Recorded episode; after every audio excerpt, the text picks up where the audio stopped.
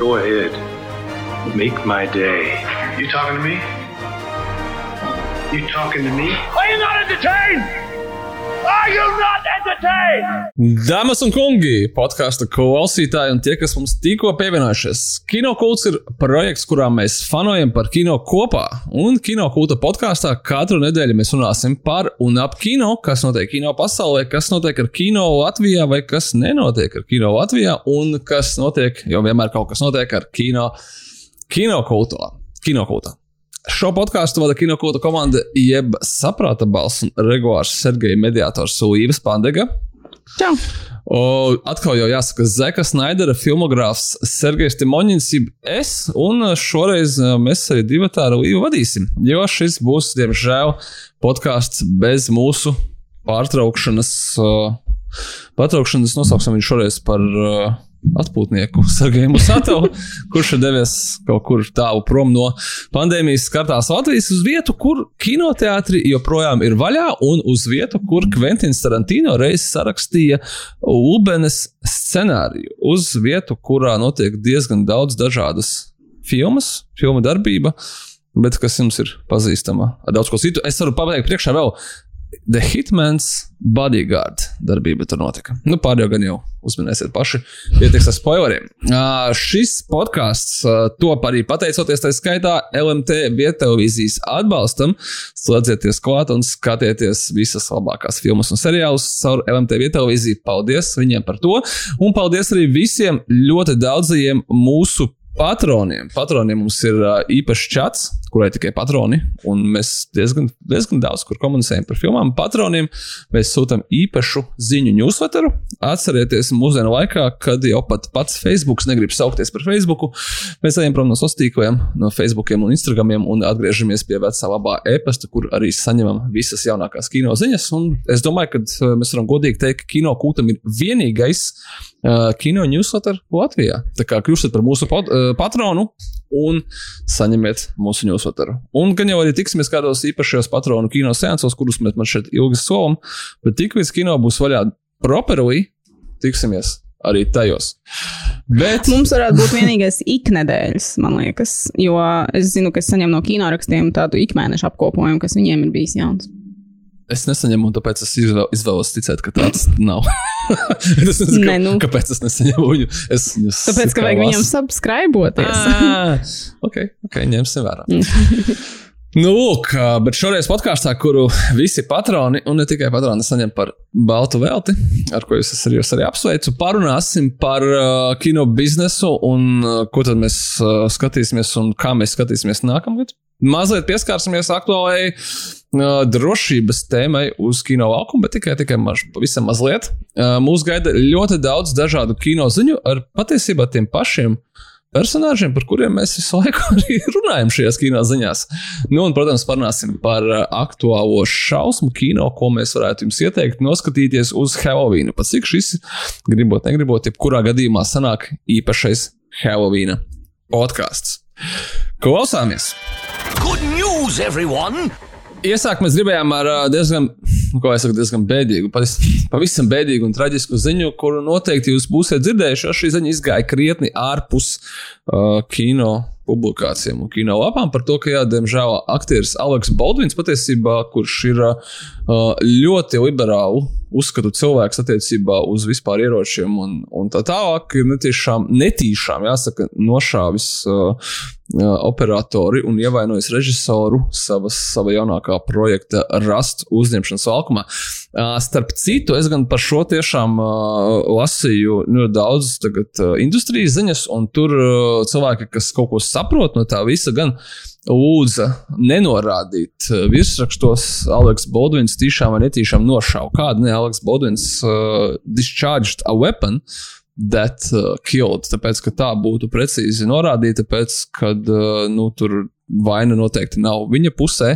Un uh, viss šis notikums pagaidām vēl tiek ļoti, ļoti izmeklēts, un mums nav arī precīzi ziņu, kas, kurš tad ir vainīgais. Bet, uh, nu, respektīvi, uh, no industrijas profesionāļiem ir lūgums nenorādīt, ka Aleks Bodvins būtu kādu nošāvis, tāpēc, ka tas var būt, uh, var tikt nepareizi interpretēts. Nu, tur, jā, tur vēl ļoti daudz noteikti izmeklēs un ziņos, un, un, un bet nu, gadījums, protams, ļoti, ļoti drūms un, un šokējošs. Nu, jā. jā, bet es domāju, ka viņš ir diezgan pareizs īstenībā tajā ziņā, ka viņš paceļ šo drošības jautājumu uzņemšanas laukumos. Atcerēsimies, ka jā, šis, šis westerns, kurā Baudins filmējās, ir neatkarīgais kino, filmēs par visticamāk ļoti mazu budžetu. Te pašā laikā es uzreiz aizdomājos, teiksim, kaut kāda Maiko Bējas, visos transformeros, kuros nu, tā kā ne, nenormāli daudz tiek šauts ar visu veidu ieročiem, vai, nezinu, Maika Mana filmās, vai tā paša Kristofera Novana filmās. Un, uh, es domāju, ka drošība tur ir augstākā līmenī. Mēs nekad neesam dzirdējuši neko, ka tur būtu kaut kas kaut kas bijis uh, ne tā, kā vajag, uh, kā tad viņi tur tiek galā. Nu, un puses arī kā, man teiksim, pašam bijusi pieredze ar filmēšanas, un arī tā skaitā ar ieročiem, un uh, uzreiz bija šī citādāk to visu izvērtē. Nē, zināmā mērā, nu, vienīgi tas, jā, protams, šis jautājums paceļas, bet nu, ļoti traģiski un skumji tas, ka tam vajadzēja traģēdiju, lai tas nonāktu uzmanības centrā. Nu, ideālā gadījumā šīs visas lietas vajadzētu sakārtot uh, pirms uh, kāds tiek, tiek, tiek uh, Protams. kāds pirms kāds zaudē savu dzīvību. Nu, kā, nu, šī nav nebūtu pirmā reize, kad kaut kas tam līdzīgs notiek uzņemšanas laukumos. Un, un tāpēc man liekas, tas vēl jau tā, jo šokējošāk likās, ka, ka, ka vēl joprojām kā kaut kādas tādas lietas notiek un netiek ņemtas vērā. Nu, kaut kas tur tā, jā. Kas, jā, droši vien es, es aizdomājos, ka uh, par š, varbūt, ka, nu jā, tas ļoti slikti, kad, kad uh, protams, ļoti slikti tas, ka tiešām, kad ir Tas ir tikai tad paceļās, kad eh, kāds to izdara, pēc tam vēl, kad to izdara zvaigznes, nu, kā tāda kā Aleks Baldvins. Ko es gribu teikt, ir tas, ka es uzreiz atceros, kāpēc, kad uh, vēl pavisam nesen uh, Deadpool 2 uzņemšanas laukumā gāja bojā kaskadieris. Tas uh, nav nebūtu ne pirmais, ne pēdējais gadījums šāda veida, bet tur arī tas kaut kā nu, neprovocēja tik lielas mašīnas sarunas par to, ka tur vajadzētu kaut ko mainīt būtiski un tā. Bet nu, skaidrs, ka šī saruna atbalsosies vēl ļoti, ļoti ilgi. Daudzu projektu autori jau pateica, ka viņi teiksim, vairs neizmantos īstus ieročus savos uzņemšanas laukumos. Daudz saka, ka nevajadzētu baigi steigties, un tad ir jāpagaida, bet ir skaidrs, ka tā saruna visticamākais jau sen, sen, sen bija sakāpinājusies, un, un, un jā, diemžēl tikai šis traģiskais negadījums lika tam visam iznākt ārā. No mūsu puses mēs izdomājām, ka mēs mēģināsim atrast kādu no saviem uh, labiem draugiem vai paziņām, kurš mums varētu izstāstīt no insideru viedokļa, kā tad notiek darbs ar ieročiem, ieroču butaforiju un šāda veida ainām. Tepat Latvijā, pašmāju, un arī, kā mēs zinām, nu, ne tikai pašmāju projekti, ka mums tiek filmēti, un kāda no nākamajiem podkāstiem noteikti mēģināsim par to izstāstīt, kā sasīt atsauliecinieku iespaidus un, un varbūt apskatīties to mazliet no industrijai piesaistīto cilvēku viedokli. Huh. Uh, ejot tālāk, mm, sāksim, nevis sāksim, bet paturpināsim jau normāli ziņas ar uh, biznesa, biznesa ziņām. Uh, gads tuvojas noslēgumam, un noslēgumam tuvojas arī HBO un Warner Media eksperiments, ko viņi nosauca par uh, popcorn eksperimentu. Pop, Project, Pop, Project, Project Popcorn, Popcorn jā, kura ietvaros, eh, jāsaka, jau skandalozi uh, Warner Bros. šī gada filmas iznāca praktiski visur. Vien, es tagad meloju visur. viņas kā reiz nevis visur vien, vienlaikus iznāca diezgan pretēji. Viņas iznāca milzīgajā haosā. ASV viņas iznāca vienlaikus kinoteātros un HBO Max traumēšanas platformā. Viņas visā pasaulē pat neiznāca vienlaikus, jo ASV vairākus, vairākos gadījumos saņēma filmu vēlāk nekā pārējā pasaule. Nu, no otras puses, pārējā pasaulē citreiz nesaņēma filmas vispār, tāpēc, ka kinoteātris bija cieta, kur nu viņi bija cieta un kur nu viņi bija vaļā. Kas, protams, radīja milzīgu, milzīgu hausu. Un beigu beigās tagad šis eksperiments tiek vērtēts gan no paša uh, Warner Brothers puses, gan arī no industrijas puses kopumā. Uh, vai nu kā, bet šī brīža rezultāti ir tādi, ka nākamgad uh, mūsu šis eksperiments vairs nesagaidīs, un uh, Warner filmas iznāks kinoteātros, un tikai 45 dienas pēc tam viņas iznāks HBO Max straumēšanas platformā, kura uz to brīdi visticamākais būs pieejama arī pie mums Latvijā.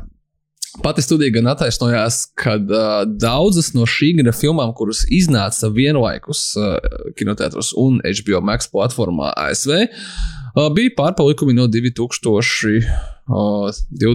gada, un varbūt pat agrāk, un viņu, mm, teiksim tā, bēdīgie kases panākumi nebūtu nav liecinājums par to, ka šī stratēģija ne, nedarbojas. Nu, no otras puses, mēs redzam, ka viņu pelnošākās filmas, kuras iznāca vienlaikus kinoteātros un HBO Max, bija jebkurā gadījumā tās, kuras būtu nopelnījušas tāpat. Tas ir Godzilla pret Kongu, uh, Space Jam un Dune, nu, kā arī Suicide Squad un trešā daļa The Conjuring franšīzē. Mm, bet uh, sliktā ziņa ir tāda, ka uh, filmas, kuras bija mazākas, varbūt smalkākas, nu, kinotētros nenoskatījās vispār. Kā ir HBO Max, to mēs nezinām, tāpēc, ka viņi nu, mums nepateica, bet, piemēram, tas, pašs, tas pats Judas and the Black Messiah um, Many Saints of Newark, uh, The Little Things ar Denzel Washington un pat Musicals in the Heights, kuram it kā vajadzēja teorētiski, pateicoties Linam Manuēlam Mirandas, Līva kā viņš, kā mēs. Lins Manuēls Miranda, tā jau bija. Kā es viņu oku? Lina, Lins? Lina, Linsa? Manuēla. Lina Manuēlas, Lina Manuēla Mirandas. Mūzikls in the Heights uh, spēcīgi nesavāca. Mūzikls, ko sarakstīja Lins Manuēls Miranda. Problēma atrisināt. Man būs par to, būs jāiemācās, viņa taču tūlīt būs uh, Netflix uh, filmas. Nu, tu no viņa netiksi vaļā, es domāju. Jā. Nope. nu, jā, lai, nu kā, lai nu kā būtu, mūs gaida vēl divas uh, šīs vienlaikus Project Popcorn filmas, kas ir uh, Vila Smita uh, filma. Kā viņa pareizi? Tas tagad. King Richard? King Richard, jā, par. Uh, par masām Viljamsām un par tenisu un uh, Matrix Resurrections. Un uh, tad arī viss, bet jā, tas, ko, tas, ko mēs redzam studijas plānos uz nākamo gadu, ir tas, ka šo te mazāko filmu tur vairs praktiski arī nebūs. Respektīvi, uh, mums gaida tur Batmans, uh, Black Adam, The Flash un Aquaman 2. Nākamgad mums ir četras DC filmas kinoteātros. Mums gaida Fantastic Beasts, jaunā daļa, mums gaida Baza Lārmena Elvis un uh, Stevena Kinga Sēlams Slot, kurš pretendē vismaz uz it panākumiem, bet mums nav īsti tādu baigi mazo filmu. Mums pat ir supervaroņu filmas, kas ir uh, Batgirl, kas iet patiešo HBO Max, bet, uh, bet jā, izskatās, ka uh, pēc uh, īpašnieku maiņas studija tomēr saprata, ka visa. Visa, visa jēga ir Disneja pieeja un jau ir kinotētros tikai lielās filmas. Nu, cerēsim uz to labāko, kad HBO un HBO Max uh, satura vadītāji mums tomēr piedāvās arī kaut ko bišķiņu atšķirīgāku no supervaroņiem, pat ja tas būs tikai uz mazā ekrāna. Viņiem, man liekas, es nezinu, cik lielu lomu tas spēlē, bet droši vien viņiem arī grūti ir kasīties ar tiem veidotājiem, jo, teiksim, tas, uh, tu jau minēji The Many Saints of New York, to soprāno filmu. Tur Deivids Čejs drausmīgi bija apvainojies, ka tā filma bija pataisno arī HBO Max, uh, un ka, ka viņa kinoteātros tik forši arī neaizgāja. Jo viņš, es lasīju, viņš intervijā teica, ka viņš speciāli to filmu taisīja, lai viņi ir kinoteātros, lai tur būtu tā atšķirība, lai vienkārši cilvēki nedomā, ka tas ir tikai kaut kāds piedēklis soprāno seriālam.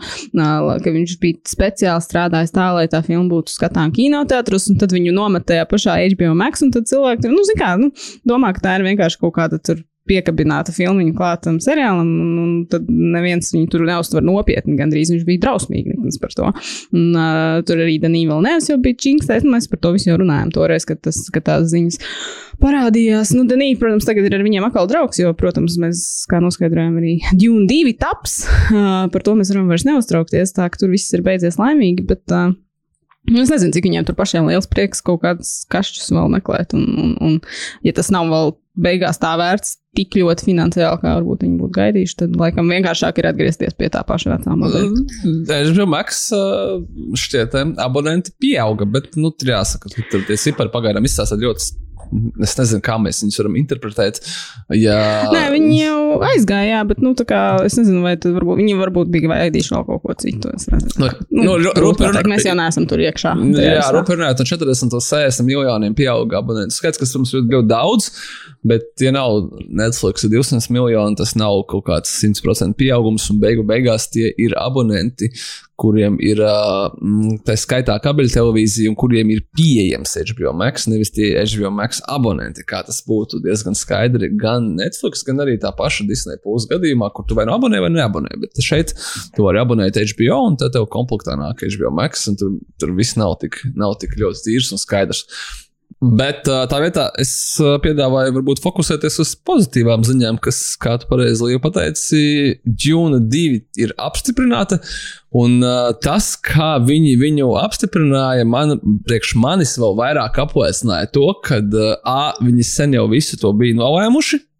Pēc tam, kad viņi to paziņoja kaut kad, man liekas, sestdienā, pēc tam, kad uh, filma vispār iznāca, bet, bet ne, ne pēc pirmā uh, uh, pirmā weekenda rezultātiem, vai gan ko tas nozīmē. Pirmais weekends ASV, kad filma jau visā pasaulē ir iznākusi un pie tam diezgan labi aizgājusi. Tādā ziņā, ka nekādas, nekādas vainas priekš pandēmijas, un varbūt arī, varbūt arī īstenībā ārpus pandēmijas, ja mēs ņemam vērā, piemēram, tā paša Blade Runner 2049 panākumus, jeb diezgan pretēji anti, antipanākumus finansiālajā Man liekas, ziņā. ka tas paziņojums nāca, nu, drusku, ka viņiem jau kaut kāda pirmā rezultāta stabili bija redzami. Un man liekas, nu, kā tu teici, ka viņiem viņš jau bija tāds droši vien diezgan gatavs, ka, jā, ja vien tur nebūs kaut kāds nenormāli masīvs fails ASV pēkšņi, nu, tā, ka vispār neviens neiet skatīties, nu, tad varbūt mm -hmm. viņi vēl kaut ko pārdomāt, bet, ka, nu, ka tas bija tāds ķeksi mums vēl vajag tikai atķeksēt, un tad mēs tad arī ziņosim. Jā, ka, ja, jo, nu, kā mēs jau jūnijā skatījāmies uh, vairāk nekā mēnesi ātrāk pirms ASV, un arī lielākā daļa pasaules tāpatās.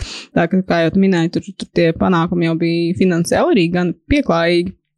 Tā ka, nu, nu Viss labs, kas labi beidzas. Uh, nepalikām pusceļā tikai ar šo stāstu.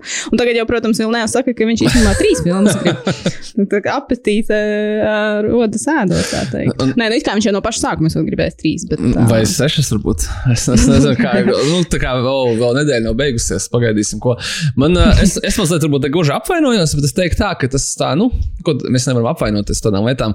Bet tas, ka, jā, filma visā pasaulē jau ir mēnesi, un viņi ir ļoti labi rezultāti rezultāti priekš pandēmijas tieši pasaulē. Viņai ir vairāki šeit rekordi. Krievijā viņi labi skatās, nu, visur, kur viņi labi skatās, varbūt labāk nekā varēja cerēt.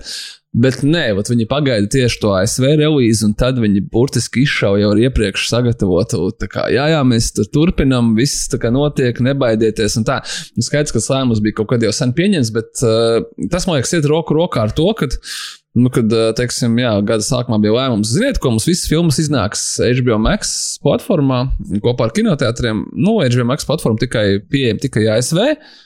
Bet nu, tā, nu, kaut kā tā mēs tikai priekš sevis dzīvojam. Nu, tomēr, tomēr joprojām filmas nāk no Hollywoodas, un tas ir vēl viens fakts, kas to pierāda, ka viņi tiešām orientējās kaut kādā ziņā joprojām tikai uz sevi. Un arī šis, šī relīze tam ir šeit vistiešākais piemērs. Nu, jā, es, es vienmēr biju zinājis, ka tu nesauc filmu Dune Part 1, ja tu netaisies taisīt Part 2. Un uh, tas negaida, ka tev pēc tam nākamos 20 gadus radīs pirkstu, ko jūs tur esat izdarījuši. Tad šo nosaukt. Bet tam uz plakāta galvenais, ka viņi saucās vienkārši Dune, nevis Part 1. Un filmā viņi saucās Part 1. Jā, jā, tas jau tikai, kad tu un... kinoteātrī biji un kad uh, tie sākuma titri parādījās, tad tu, tev tā skaidri pateici pateica, ka šī ir part one. Nu, jā. Vai gan atcerēsimies to, ka uh, arī šo te.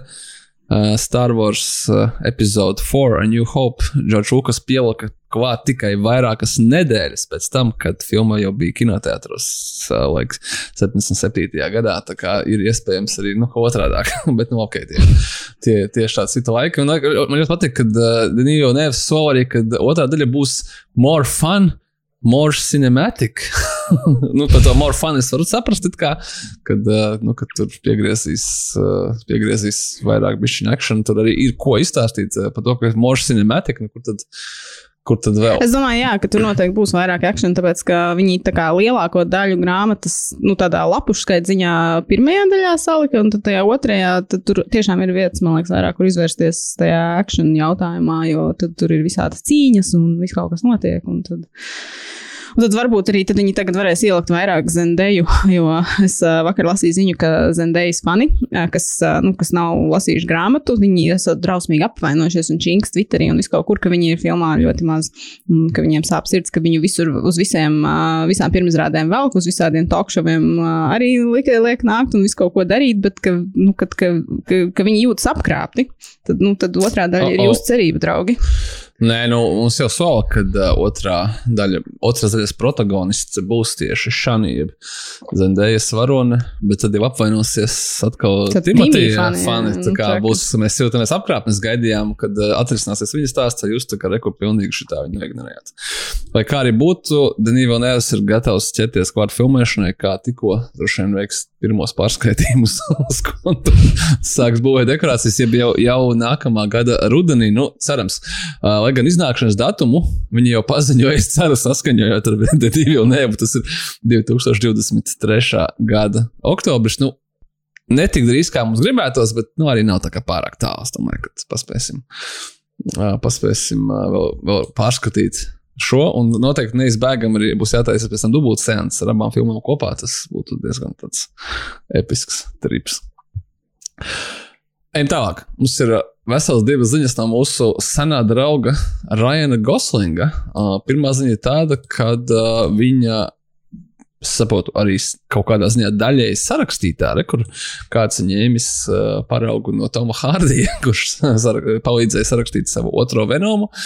Rajans Goslings ir, ir iz- izrādās ir tas uh, stūrakmens, uh, uz kuru balstās jaunais Universal Pictures vilkats, jeb Wolfman, kurš gan, diemžēl, zaudējis režisoru. Uh, no projekta ir, diemžēl, aizgājis Lee Wonels, kurš ir režisējis arī uh, iepriekšējo Universal šausmu filmu uh, The Invisible Man no šīs te viņu, viņu monstru, jaunā monstru universa. Uh, bet uh, ir ieguvis, uh, teiksim tā, senu Raina Goslinga paziņu, kuru viņš jau ir sadarbojies, jeb režisoru Dereku Sienfrancu, ar kuru viņš ir strādājis pie, mm, pie Place Beyond the Pines un pie 2010. gada drāmas Blue Valentine. Tā ir tāda negaidīta, manuprāt, izvēle priekš uh, Wolfmana. Bet jā, no šīs ziņas ir uzzināja, ka uh, izrādās, ka Rains Goslings bija tas, kurš piedāvāja šo, te, uh, šo te jaunās Wolfmana versijas ideju Sienu Francam, kurš tad arī esot piekritis. Man liekas, ļoti interesanti izvēle, jo, nu, jau nosauc šīs viņa iepriekšējās sadarbības. Sienā Francam vēl arī bija tā filma, uh, die, pagaidi, par- ar Fasbenderu un Alīsiju Vikanderu ar okeāniem. Es vienmēr jaucu tās filmas nosaukumu ar vienu citu. Lai, Ā, lai, lai tā The Light Between the Oceans jā. vai kaut kā tā. Jā. Jā. Un uh, tad viņam vēl bija tas uh, HBO seriāls, par ko es uh, savulaik kaut kad arī podkāstā stāstīju. I know this much is true. Un kas vieno visus šos darbus ir to, ka viņi ir drausmīgi drūmi un tā kā, nu, eksistenciāli plosoši. Un tu skaties, un tev tur sirdi rauj ārā. Un tad, nu, tas būs interesanti, kā viņi šo projektu tad uh, īstenos, vai tur būs tiešām nu, tādas šausmas vairāk, vai, nu, vai arī tur būs tādas emocionālās šausmas. Tā ka nu, potenciāli tur varētu būt kaut kas ļoti intriģējošs. Es kaut kā vienmēr biju iedomājies, ka, uh, ņemot vērā to, ka šis būs uh, Wolfmans, kurš ir mūsdienīgs, ka tas tāds vairāk kaut kāds eksistenciāls, nu, tā kā kaut kas tāds, tas būs tāds psih psiholoģiskais uh, horors vairāk nekā tur, kur. Vai gan es. Šis ir tā vienkārši tā vazāsies apkārt nakts tumsā pa pilsētu, un tad drūmi gaudos pret mēnesi, un tev sirds sāpēs, un, un, un tu gribēsi raudāt. Es domāju, Varētu būt interesanti. Nē, nē, es domāju, ka, nu, ja atceramies Invisible Man, tad tas kaut kas tieši tāds, ko es arī gaidīju. Tāpēc man, uh, es pat vairāk biju domājis, ka Vanels varētu būt tas, kurš kaut kādu tur akciju pieaugs klāt un tā, bet tagad skaidrs, ka uh, kad, uh, nu, kad tas būs vairāk tāds uh, psiholoģiski interesants eksperiments. Es, es esmu tikai par. Uh, kas noved mums pie nākamā uh, Raina Goslinga ziņas, un viņa eksperimenta Rains Goslings atveidos nevienu citu kā Kenu uh, filmā par Barbiju, kurā Barbiju atveidos Margo Robija. Nu, nu jā. Nu, kāpēc? Ne? Nu, kāpēc ne? Es domāju, ka jā, mēs par šo projektu esam vairākas reizes runājuši. Uh, Viņu režisēs un arī sarakstīs Grēta Gerviga, kurai palīdzēs to darīt Noā Baumbachs. Tā kā Tas ir kaut kāds. Nu, man jau liekas, ka skaidrs, ka tas ir kaut kas tāds, kas vairāk varbūt pasmiesies par kaut kādu to Barbiju un Kenu kultūru, kas jau paši par sevi, manuprāt, tādi nu, mūsdienu. Nu, jau, nu jau kaut kādu labu laiku mēs tur, nezinu, teksim, tur kaut kādas tā kā, tādas patērētāju kultūras cilvēkus apzīmējam kā Barbijas un Kenas. Nu, viņi paši par sevi jau ir seni simboli, kas ir vairāk kā apzīmē kaut ko, kas ir tāds virspusējs un tukšs. Un varbūt es domāju, ka tas ir kaut kas tāds, ka, kas arī varbūt Grētu un Bambahu piesaistīt, ja visā parādīt caur to kaut kādas savas idejas un tā. Es, ko, jā, es man patīk, ka Rēns Goslings viņam esot piedāvāts, viņš ir atteicies un tad kaut kas vēl, un tad viņš tomēr pie viņa atgriezās un pateica, ka vienu citu viņi neredz šajā lomā kā viņu. nu, kāpēc gan ne? Jā, man liekas, ka viņš, tas, tas ir diezgan, diezgan labi izvēle priekš, priekš, priekš Kena. Un atcerēsimies, jau tā kā Margo Robija arī viena no filmas producentiem. Es domāju, ka tas būs tas ļoti interesants uh, projekts, kurš noteikti lauzīs kaut kādus stereotipus par, uh, par Barbiju un Kenu. Es, kaut, es domāju, tas varētu būt tāds pieaugušo Lego movie, kaut kas tāds. Nu, kaut kas droši vien uz to būs. Kā, man liekas, ka nu, kaut kādus jau laiku, kaut kādu laiku paši tie Barbijas uh, matali, kas viņi ražo, ja nemaldos, tagad viņi jau arī kā, to, to messagingu ir mainījuši par Barbijām. Nu, ka Barbijas visu kaut ko pašas tomēr var. Viņas nav tikai tādas smukas meitenes, kas sēž. Viņām tur visādas profesijas mm, ir. Nu, mm. Viņi jau arī jau, jau kādu laiku saprata, ka apakaļ, ka, ka, ka nevar būt vienkārši smukā lelīte, kuru tur saģērbi un kurai Kens tad pērk visādas mantas. Nu, ka tur kaut, kaut kas jau noteikti būs tāds ar, ar cerams pozitīvu uh, ziņu pasaulē un, un, un, un meitenēm un puikām arī. Nu, es neticu, ka Grēta Gervīga tur uztaisīs kaut kādu ārprātu, kas kaut kādos stulbos stereotipos brauks iekšā. Klausies, mums ir vēl viens, vēl viens mūsu iemīļots personāžs, kuram izrādās 2020. gadā ir bijušas sešas, ja pat varbūt arī septiņas lomas atkarībā no kā, kā mēs pareizi lasām IMDB. Uh, Vai tas ir Jasons Athams? Vai tas ir Bruce Willis? Nē, tas ir ļoti darbīgais aktieris. Džuda Lows izrādās, kurš tā kā, nu, vai nu kurš, bet Džuda, manuprāt, filmējās ārkārtīgi daudz un ārkārtīgi bieži. Un uh, viņa jaunākais projekts, viņa, savā jaunākajā projektā Firebrand, viņš atveidos Henriju VIII. Neesmu, kad nesen pavisam teātrī viņš atveidoja Henriju V. Tur nav vairs palikuši daudz Henrija, ko Džodam atveidot. daudz to Henrija. Henrijs astotais bija tas, kurš, uh, kuram patika cirst nost galvas tam savām sievām, un viņas beigas svičot, un kurš, es tagad neko nejaucu, bija vainīgs pie tā, ka viņi izstājās no katoļu baznīcas. Jā, jā, tur bija tas viss skandāls ar Annu savu. un Bolēnu. Jā. Es to tagad visu noskatīšos, jo sāku skatīties Tudors. Ah. Uh, jā, tas tur, tur tas pats viss notiekās. Un, uh, un uh, viņa sesto un pēdējo sievu atveidos uh, Mišela Viljamsa šajā projektā. Bet tas ir tas stāsts, kurš, manuprāt, jā, ļoti daudz reizes jau redzēts gan uz ekrāniem, gan uz lielajiem un uz mazajiem ekrāniem. Uh, un Džudos ir tikai nākamais, vēl viens aktieris, kurš izmēģinās spēkus kā Henrijs VIII. Bet, uh, bet tas ir man šeit tāds, nu, tā kā, jā, Es nedomāju, tas ir pēdējais projekts, par kuru mēs runājam. Nē, būtu nē. Ja interesē šis, šis stāsts, visas tās uh, Henrija 8. peripetijas un Anna Bolēna, es varu ļoti rekomendēt. Bija miniseriāls Wolf Hall, kas ir balstīts arī uz grāmatas, un tur pēc tam bija vēl viena grāmata arī, un trešā arī iznāca. Tās grāmatas ir ok, es nevaru teikt, viņas baigi mīlēju, bet tas seriāls bija ļoti labs. Tur bija šī tā Klēra Foja, kā Anna Bolēna, starp citu, un uh, viņš tur vairāk centrējās ne tik daudz varbūt uz to to Henrija perspektīvu, bet, bet, bet uz citām perspektīvām. Bet ļoti, ļoti, ļoti labs. Iesaku BBC, ja nemaldos. Taisī. Tā kā nu, redzēs, ko izdarīs Džūda. Nu, un kā jau teicu, šis noteikti nebūs pēdējais stāsts par Henriju. not, not at all.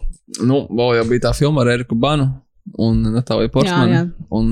Nu, tā bija tāda. Nu, labāk tad jau, tad, ja jau skatās, tad jau jāsāk ar to BBC seriālu. Uh, tālāk, ne nedēļas mums ir bez Džona Vika ziņām. Šoreiz gan mazliet citādākas. Uh, Anna de Armas, kuras sevi brīnišķīgi, manuprāt, fantastiski parādīja ne tik fantastiskajā jaunākajā Jamesa Bonda filmā No Time to Die. Uh, Redz, kā paskaties, pietiek vienu reizi uh, sevi atrādīt mazliet, varbūt netipiskā un ļoti akcionīgā amplitūdā, kā jau tevi sauc filmēties Džona Vika spin-offā Ballerina Atcerēsimies, kā Anna Dārmas atveidoja uh, CIP aģenti uh, Jamesa Bonda filmā No Time to Die, un ar viņu bija vesela ļoti action-heavy epizode. Nu, un uh, Džona Vika spin-offs Ballerina savukārt būtu, ir, būtu balstīts uz uh, Džona Vika trešajā daļā uh, redzēto sižeta līniju. Šo filmu gan režisēs uh, režisors Lens Weizmans, nu kādam tas varbūt ir pūs, Atcerēsimies Underworld filmas, kādam tas ir mīnus, atcerēsimies uh, Cietā rieksta 4. daļu, bet nu, vismaz tā nebija Cietā rieksta 5. daļa. Tā kā varbūt vēl, varbūt vēl viss būs labi. Un uh, jā, tā, uh, šis, šis Džona Vika lielā ekrāna spin-offs kādu laiku jau briest studijas Lionsgate iekšēnē. Nu, un attiecīgi, tad, ja Anna Dārmas piekritīs, tad visticamākais mēs viņu redzēsim drīzāk agrāk nekā vēlāk. Nu, ļoti interesanti, jā, kad uh, paralēli Džonam Vikam 4 un visticamākais ir Džonam Vikam 5, kuru sākumā gribēja filmēt kā nu, vienlaikus, tagad, kad viņi Covid to visu uh, bišķiņu atdalīja. Uh, trīs sēriju televīzijas vai straumēšanas filmas The Continental par attiecīgu šo Continental viesnīcu un Ballerina. Un, uh, un nu jau mums ir diezgan, diezgan ievērojama Džona Vika pasaule. Vai tu redzēji ziņās? Mēs tā kā Es zinu, ka es personīgi, nu, kā jūs atceraties, jūs klausāties podkāstu, es diezgan daudz kritizēju Kienu Rīvs kā aktieri, bet viņam ir zelta sirds. Viņš ir tik labs cilvēks. Tikko bija ziņās tieši Džona Vika sakarā. Viņš bija uzdāvinājis visiem saviem, visai tai savai stantu komandai, tur tam pieciniekam pulksteņus iegravētus kā, kā dāvanu, kaut kādu cik tur tūkstošu vērtībā. Un tad pēc tam vēl šorīt es redzēju, ka viņš esot palīdzējis tur stiept kaut kādas kastes uh, visiem saviem pārējiem filmēšanas komandas locekļiem. Viņš tur nav nekāda diva, viņš ir, nu, brīnišķīgs vajag cilvēks. palīdzēt, viņš palīdzēs. Jā, es... Viņš absolūti, jā. Un tas, nu, šis, šie nav vienīgie stāsti. Tur taču bija stāsts no Matrix, ka viņš cik tur savas naudas pats tur bija tērējis un atdevis, lai samaksātu tur kaut kādus bonusus. Uh, uh, visiem tiem kaskadieriem, un kam tu tur vēl ne. Jā, tā, tas, tas, ir, jā. tas, jā, tas, to es zinu, kad, manuprāt, viņš gandrīz vai katrā savā projektā, bet pilnīgi noteikti tajos, kuras, kur ir ļoti action heavy, kur viņam ir viss tā viņa stunt teams, uh, manuprāt, pēc uh, Reloaded un Revolutions filmēšanas, kas, gan, protams, tur aizņēma gadu vairāk un tā.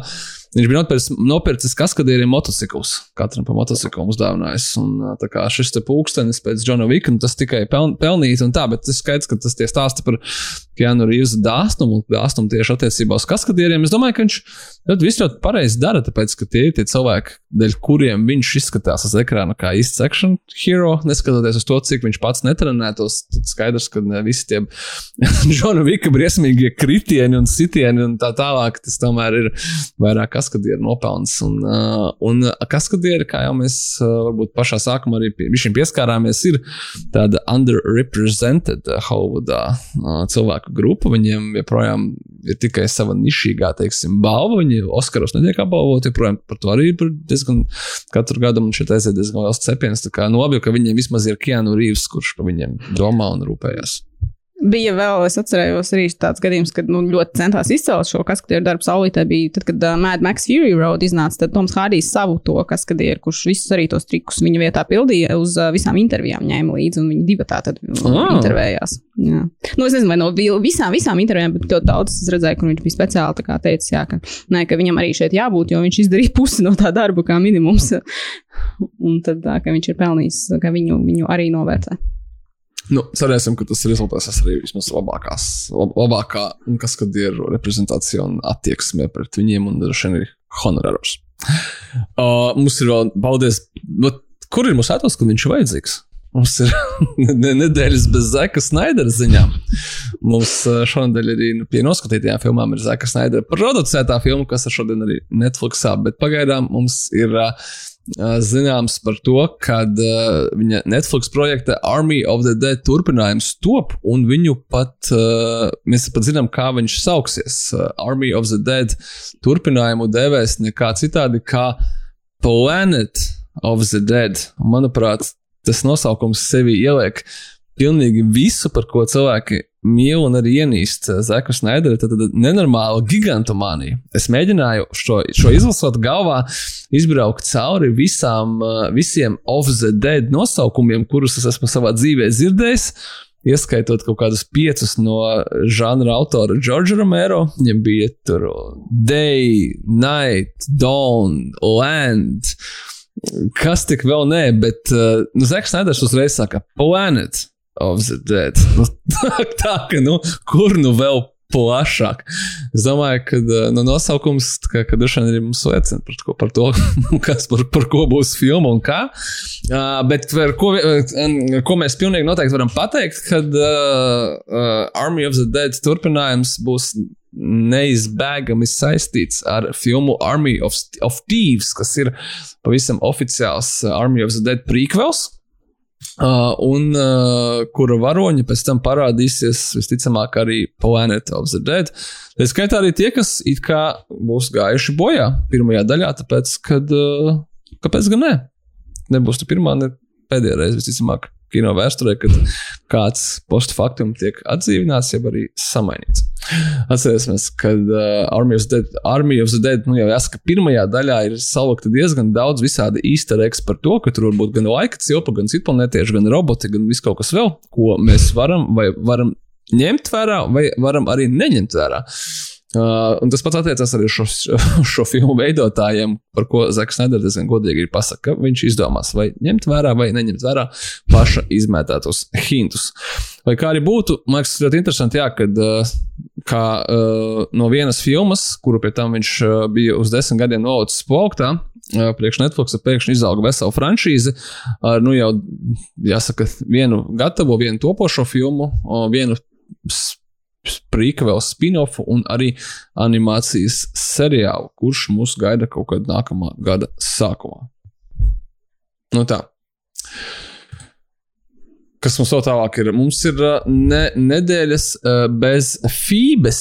Un te jāsaka, ka uh, Fībe Vaura Bridža ir atradusi sev vēl vienu projektu, kurā piedalīties. Un tas ir jaunais Džona Krasinska projekts, kurš tiek pagaidām apzīmēts kā Untitled Fantasy Comedy. Ko es iedomājos, ka tā varētu būt liela budžeta fantāzijas komēdija. Kas ir fantāzijas komēdija? Tā kā frīgai? Nu, nezinu, tas tāds diezgan, man liekas, uh, tur ļoti plaša interpretācija. Jā. Es vienkārši domāju, ka tas noteikti nav nekas tāds baigi piezemēts, ņemot vērā to, ka Krasinskim bija tikko Quiet Place, kas ir nu, skaidrs, ka tāds uh, spēlēšanās ar žanru, bet tur ir gan fantastika, gan horror, gan viss kaut kas vēl. Un, un šeit, ja tas būs kaut kas līdzīgs, bet tikai uz komēdijas puses, tad nu, skaidrs, ka mūs gaida kaut kāda nezinu, ceļošana laikā, telpā, kaut kas, kaut kas tāds. Nu, tur kaut kas tajā stāstā esot par, par bērnu, kurš uh, cenšoties atgūt kā, savu fantāzijas uh, prasmi, nu, kā droši vien atgūt prieku par dzīvi un tam līdzīgi, ka tā esot kaut kādā Krasinskijam oriģināla ideja. Bet, nu, izklausās kaut kas vairāk tāds ģimenei, vairāk ne tik daudz, varbūt, quiet place variants. Jā, jā, jā noteikti, noteikti. Es tikai domāju par to, ka, jā, ka tas būs tāds diezgan kaut kas tāds piezemēts, bet drīzāk tas kaut kas ļoti, ļoti oriģināls. Krasinskis šo filmu režisēs, sarakstīs un arī atveidos tajā vienu no lomām kopā ar Fībi Voleru Bridžu, kopā ar uh, Fionu Šovu un kopā ar Ryanu Reynoldu, kurš bija solījis, ka viņš. Uh, nepiedalīsies vairs filmās kādu laiku, bet tas, redzot, šis laiks ir iztecējis, kā jau mēs to pagājušajā podkāstā paredzējām. nu, viņi tikai nākamgad filmē šo tā, gan jau viņš tur vispār tikai uz kaut kādiem pāris mēnešiem pauzi paņēmis. Mm, es, neticu, ka, ka, ka... es domāju, tas bija, tas bija joks, es ticamāk, ka es no viņa puses, ka viņš nedēļu pasēdēs bez darba. Un tā. Ar to gan mums uh, ziņas par Krasinski nebeidzās.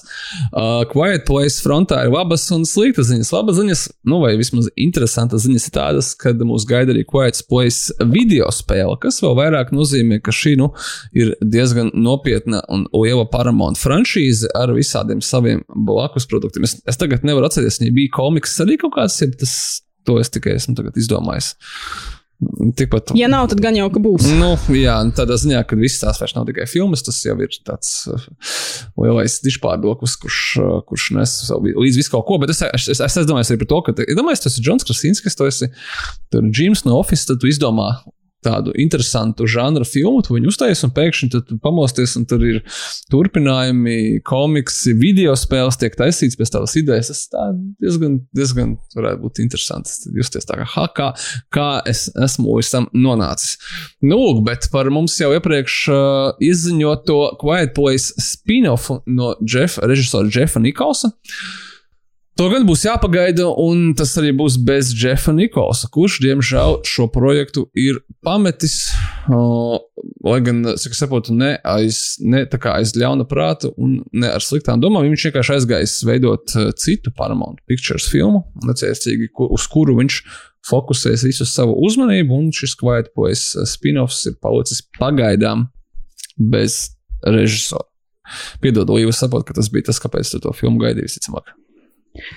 Tas būtu, nu, jā, ne, tas bija tas āķis, kas man ieintriģēta tajā spinofā kā tādā. Nu, tā Quiet Place pasaule ir diezgan interesanta pati par sevi, bet es nezinu, cik ļoti aizraujoši viņi spēs būt. Jo, zināt, tā otrā filma, mēs jau par to runājām, man liekas, vienā no podkāstiem iepriekšējiem, kad viņi iznāca.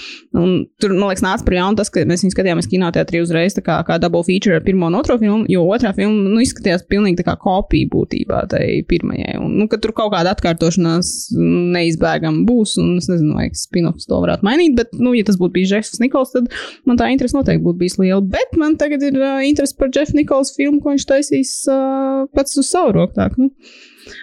tā kā lose some. Es nedomāju, ka uh, viņiem būs baigā problēma uh, Nē, nu, atrast uh, režisoru, bet es domāju, ka mēs esam diezgan droši būt par to, ka tas ir līdzīgs kā, kā ar zāģi vai kam. Pirmā daļa, kas ir kaut kas īpašs, Un tad ir vēl septiņas, kuras ir labākas vai sliktākas, vai tā. Bet nu, skaidrs, ka tā ir atkārtošanās. Tas ir tā, tā pati formula, kuru vienkārši tu pēc tam iedz, iedzenas zemē. Pilnīgi, un, un tā. Bet, nu, dzīvosim, redzēsim. Es domāju, ka mēs ļoti drīz dzirdēsim par kādu no nākamajiem. Uh, nākamajiem uh, atvainojos nākamajiem režisoriem, kas mēģinās ķersties klāt pie šī projekta. Uh, bet, uh, nu, lai, lai Krasinskim veicās ar to viņa fantāzijas filmu. Es domāju, ka mēs tai pievērsīsim pagaidām lielāku uzmanību. Nu, ko mums ir palikušas pavisam, pavisam īsas ziņas, kuras, gan, es domāju, ir pieminēšanas vērtas. Mums būs jauna filma no režisora Pītera Farelī, kurā galvenās lomas atveidos Zaks Efrons un Russells Kross. The Greatest Beer Run Ever Made. A True Story of Friendship Stronger Than War. Iepriekš mums uh, bija paredzēts, ka mēs redzēsim Vigo Mortensenu un Dievanu O'Brienu. Nu, tagad mums ir Zaks Efrons un Rasels Kraus. Iespējams, pēc nedēļas būs vēl kāds cits. es nezinu, starp šo un starp otro gladiatoru, kur, kur es, ko es gaidu vairāk no Rasela Krava, bet, uh, bet nu, nu jā.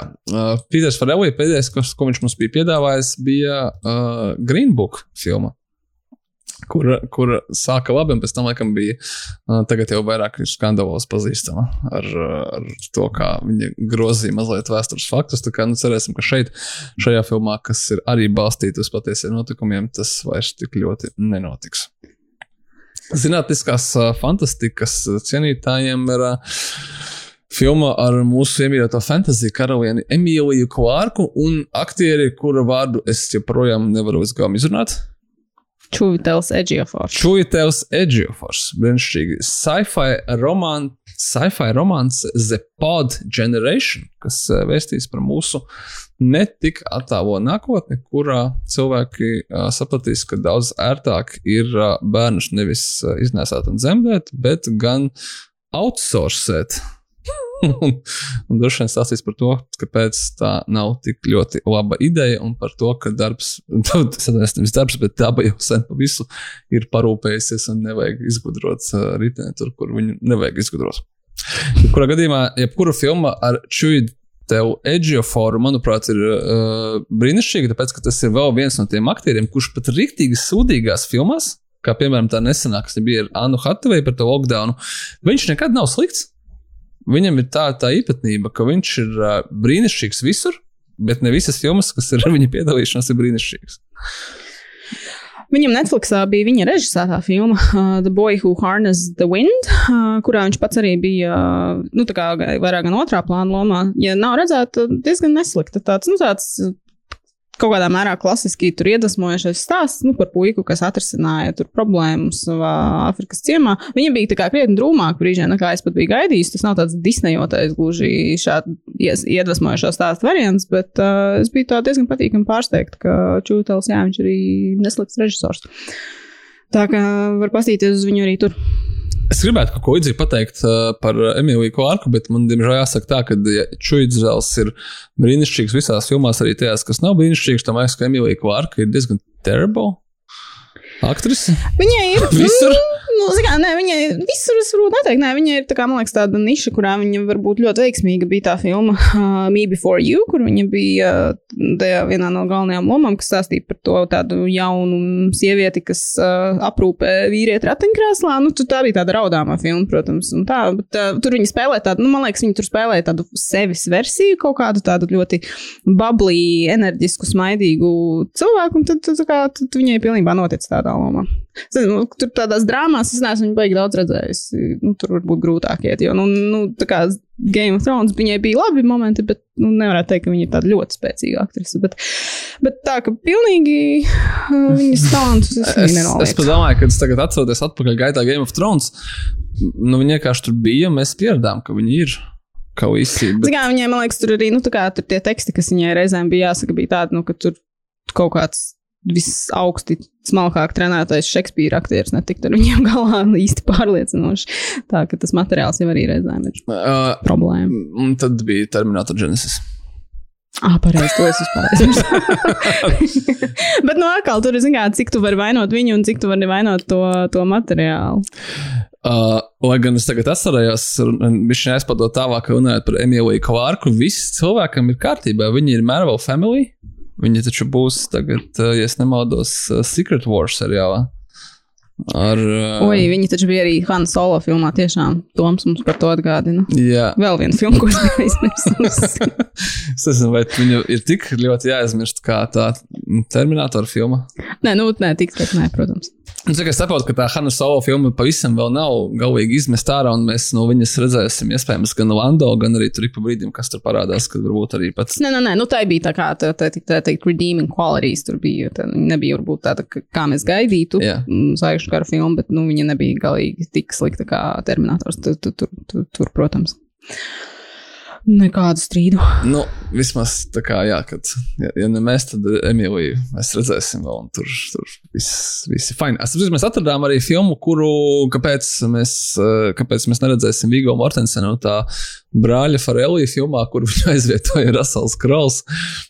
Mēs viņu redzēsim jaunākajā režisora Aleksa Gibnija filmā. Aleks Gibnijs ir ārkārtīgi, ārkārtīgi zināms dokumentālo filmu režisors. Es domāju, ka nu, vismaz kaut ko es ceru, ka jūs no viņa būsiet, būsiet redzējuši. Piemēram, domāju, tas, kur, kuru no viņa daudziem filmogrāfijas, uh, filmogrāfijas filmām, bet uh, Aleks Gibnīs uh, debitēs arī kā uh, mākslas filmas režisors ar projektu Two Wolves. Kurā attiecīgi galveno lomu arī atveidos uh, Vigo Mortensens. Vigo Mortensens gan mēs vienmēr esam priecīgi redzēt uz ekrāniem, bet uh, projekts Two Wolves stāstīs par nemazāk svarīgu tēmu, kā, vai mazāk dramatisku tēmu, kā Aleksa Gimnija dokumentālais stāsti. Viņš stāstīs par uh, kādu uh, helikopteru pilotu, ASV armijas helikopteru pilotu Vietnamas kara laikā, un viņš bija tas, kurš uh, ļoti bēdīgi slavenajā May-Lai incidenta laikā. Tas tad, kad uh, ASV uzbruka un nogalināja vairāk kā 500 neapbruņotus uh, vietnamiešus, uh, vietnamiešu civiliedzīvotājus. Viņš uh, pavērsās pret, pats pret saviem cīņu biedriem un centās glābt cilvēkus tad, kad uh, tika dota šī ļoti, ļoti kļūdainā pavēle uzbrukt šim ciematam. Domāju, ka uh, īstenībā jau kaut kādā ziņā Mm, cik ir pagājis no Vietnamas laika, no Vietnamas kara laika 50 gadi?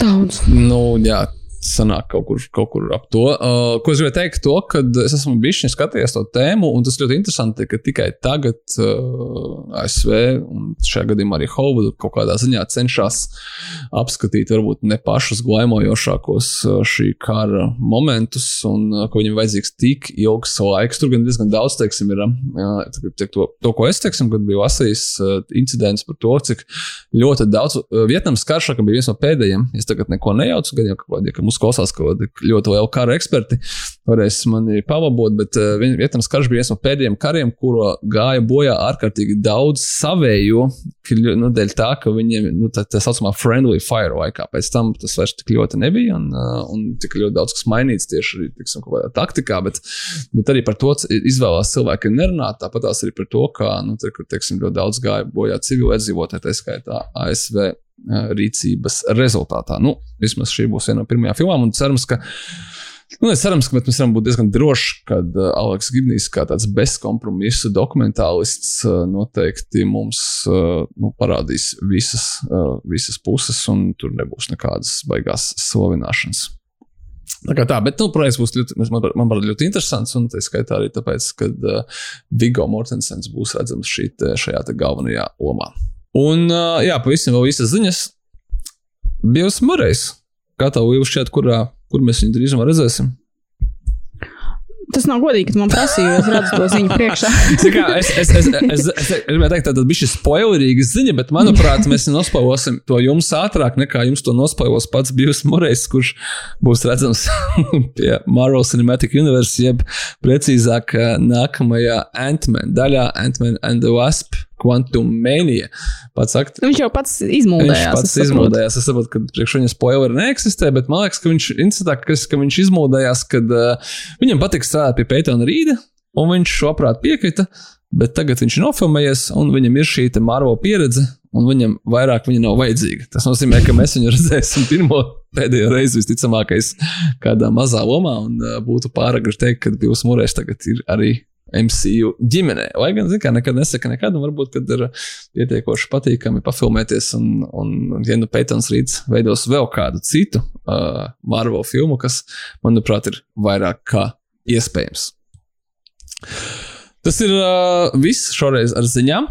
Uh, mums parasti ir tā sadaļa, kur mēs stāstām un plagojam par to, kad, kāda, mums bija, kāda mums būs sēnes tuvākajā laikā. Nu, mēs varam pateikt tikai to, ka visi mūsu tuvākā laika sēnes ir pārcelti uz uh, netik tuvu laiku, un diezgan, drīzāk tā, ka diezgan neprecīzu laiku, bet uh, sekojiet mums.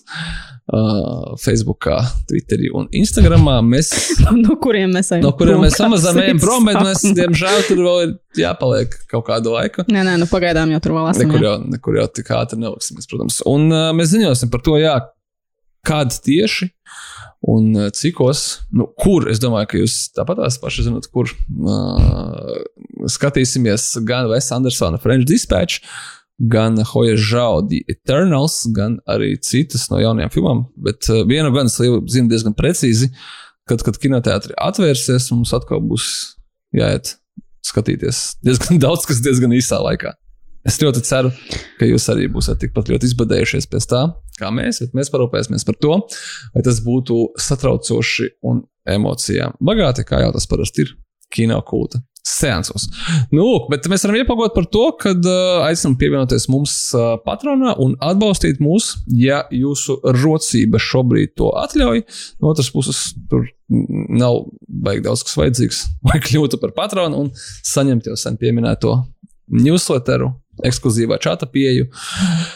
Vienkārši mūs atbalstīt. Paldies jums liels, ja jūs jau esat patroni, un ceram, ka tie no jums, kas nav, par tādiem pavisam drīz arī kļūs.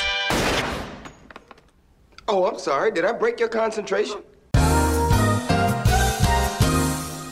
Pāriesim pie šīs nedēļas lielās tēmas, bet, zināmā mērā, man liekas, ka tā lielā tēma mums pamazām sapūdīs kopā ar ko mēs esam redzējuši neizbēgami, tāpēc, ka uh, man, vismaz man noteikti Un es man šeit arī redzu, ko tu esi redzējis. Es, es zinu, kā to var piesēt klāt. Pie. Jā, jā, es saprotu. Halloween filmas, bet zini, kā Halloween filmas ir tā, ka šī podkāstu aprakstā vismaz kaut kādā veidā, ok, Līva, nolinkosim uz to iepriekšējo Halloween jā, podkāstu. mums bija vienreiz. Tas, kur mēs. Mums bija, tas ir proper, kur mēs tiešām gatavojāmies un likām tā, nesakot to, ka mēs neesam gatavojušies šim. Vienkārši mums nebūtu jāatkārtojas un ne, nav jādara tā, kā, teiksim, es daru ar uh, prezentācijām pirms sēnēm, kas apstāsta, ah, mums ir tikai Venoms 2, apstāsta, kas bija Venoms 1. Mazliet uzpucēja. Here you go. joks, joks nav tāds. Šī bija tāda virtuves ziņa, ko nevajadzēja, man liekas, stāstīt uz āru. Jebkurā gadījumā, uh, varbūt, varbūt mēs vienkārši varam apiet, apiet Citādāk, citādāk tam pieeja. Vispār, ja tu skaties šausmu filmas uz ir, kā, tas neko, nekādā veidā nemaina tavu skatīšanās paradumus. Es tā baigi neiespringstu uz to. Zini, kā kaut kas, ja jauns iznāk uz to laiku, teiksim, kinoteātrī, tad, tad, un, ja ir iemesls to aiziet noskatīties, tad jā, bet man nav tā, ka man vajag obligāti 31. oktobrī kaut kādu šausmu skatīties. Es parasti es esmu, zigā, es esmu iegrimus tajos savos sarakstos, miljonus, ar kuriem tad es tur manipulēju, un tad man vienmēr ir kaut kas, ko skatīties tāpatās. Tad nekāda baigā tur svinēšana arī nav. Un tad, uh, ja sanāk patrāpās, tad jā, bet tā, ka es baigi kaut ko īpaši meklēju, nē. Nu, kurš tad pie mums vispār šeit svin? Jā, nu ir kaut kāds balīts, gan jau zināt, tas jau, kad, kad, kad ar laiku, jo internets izplatās ar vien plašāks, jo tās amerikāņu kaut kādas kultūras iezīmes arī pie mums pārnāca. Un uh, kaut kādā brīdī jau bērni arī sāk staigāt apkārt un, un, un, končus prasīt. Bet, uh, ne, nu, tas, protams, nav pie mums tā, kā tas ir ASV, bet, nu, tāpatās jau mēs jau arī visu kaut kādus sarakstus liekam un uh, par šausmiem parunājam. Tas ir iemesls, ka parunājam. Es vienkārši pateikšu, man arī nav tā, ka es par to vairāk pateikšu. Man nav nevienam, nevienam gada laikam vai kaut kādiem svētkiem. Man arī pat nav Ziemassvētku. Nē, uz Ziemassvētkiem ir kaut kāds, ko prasās, bet tas, tas ir bijis citādi. Es pēdējā laikā esmu noskatījies ļoti daudz šādu filmu. Es zinu, kāpēc tā ir. Man agrāk bija tā teorija, kad uh, man liekas, ka man, uh, kas īstenībā tā, tā arī bija, bet to vairs nav. Kad uh, man, teiksim, ja man emocionāli ir slikti, man šeit esmu teicis podkāstā, man emocionāli ir slikti un grūti, tad es skatos kā, vairāk šausmu filmu, un es kā, kaut kādā ziņā ar to kā, Es nezinu, kā, nu, ka, ka, man, ka man liekas, ka nav tik, īstenībā tik slikti. Tu, tu tā kā un, perspektīvas tam... iegūšanai, tā kā, ka varētu būt vēl ļaunāk, un tad tā, tās problēmas. Es kaut kā, tas ir kaut kā, jā, jā, kaut kā, kaut, kaut kā tā ir, kad es biju to pamanījis pēdējos gadus, piecus, astoņus, kad ja man ir emocionāls, nu, tā kā tāds grūtais periods, kad tur nu, kas skumīgāk, un viss kaut kā tā, kā, kaut kā, nu, tā, kaut kā, nav, tu neesi tāds visu laiku optimistisks, un tā, tu skaties kaut kādas kā, reālas slashers vai kaut ko tādu, nu, tā kā, un tev ir labāk kļūst, varbūt izdzīvot tāds, tāds negācijas, bet man tagad, tagad šobrīd viss ļoti, ļoti labi ir. Es noskaties visus tekstus šeit savu mesakru, un, un ne tikai tos, un kaut kāds man tāds šausmīgi periods, un zini, kas pats interesantākais ir, kad es esmu reāli apgraidojies. Es esmu apgraidojies no slasheriem un no šausmu filmām, kurās ir monstri. Tāpēc, ka šo teoriju es arī esmu diezgan daudz stāstījis, ka man, teiksim, nav pārāk bail no, piemēram, vampīri, vilkači, serijas slepkavas un kaut kas tāds, nu, kur kā, es zinu, ka, ja man būs cirvis vai šautni, tad es varēšu viņam tikt galā. Nu, tā kā ir, ir tā kā finīt moments, kā ar viņiem var tikt galā. Viņus vienkārši novāc. Viss tā kā man tā kā iekšēji ir drošība. Un es esmu uh, apgraidojies uz filmām, no kurām man agrāk bija šausmīgi bail par gariem spokiem, uh, rēgiem un eksorcismu. Respektīvi, es nevienmēr zinu, kā sarunāt ar rēgiem. Un ar Japāņu rēgiem vispār neko nevar sarunāt. Viņi vienkārši tā kā ir auto get you, un tu neko nevari tur izdarīt. Tu nevari no viņiem aizbēgt. Tu jau arī Japāņu valodu nemāki. Un es neprotu japāņu valodu. Es zinu, ka amerikāņu rēgiem parasti man vienkārši vajag atrast cilvēkam izsīgās atliekas un apglabāt tur, kur vajag, un tad viņš nomierināsies. Vai, kad, vai arī tā ir kaut kāda fragment of my imagination, vai arī man ir pagātnes par, parādi kaut kādi un tā tālāk. Uh, bet uh, man liekas ļoti interesanti, ka, teiksim, skatoties uh, Texas Chainsaw Massacre un, un saistītās filmas, ko bija nostājies Hills Have Eyes, šitos remakes un tā tālāk, man izveidojās pilnīgs kā lai pareizi pasakā, es neko nejūtu vairs. Es nejūtu vairs, ka tur zāģē kaut kādas. Ah, jā, es noskatījos to Evil Dead, kas ir Alvareza, un mēs te, mums tikko bija Don't Breed, dubultsens. Es skatos uz visiem tiem sazāģētajiem ķermeņiem, es neko vairs nejūtu. Man nav nepretīgi. Ne, es esmu viss notiek kaut kādā paralēlajā plaknē. Es skatos uz to visu, ok, tā kā, nu, jā, nu, tā. Tas ir ļoti interesanti. Jā, par to, ka tur man būtu, teiksim, bailes kaut kādas vispār nav nekad. Es tikai skatos līdzi sižetam, tas ir vai ne interesanti vai nē nekāda asņēnie skati man vispār neatstāja. Nu, man pilnīgi notrunā, not, notrunājusies apziņa. Varbūt, eh, varbūt tāpēc es tā mēģinu tagad apgraidoties. Es gribu nosties visus eksorcistus. Un visas jums par eksorcismu, kas, kuras, uh, kuras es neesmu redzējis, bet vienmēr esmu gribējis noskatīties.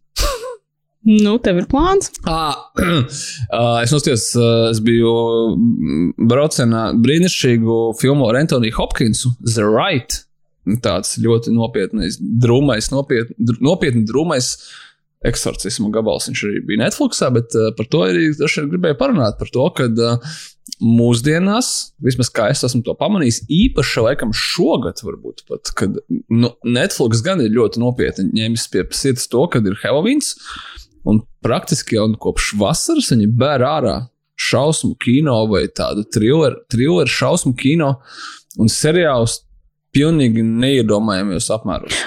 Amazons arī to dara. Bet Netflixam vienkārši ir tā, ka katru nedēļu ir jauna šausmu filma. Nu, es domāju, kāds pieprasījums, tāds piedāvājums, kā, kas, kad cilvēks skatās.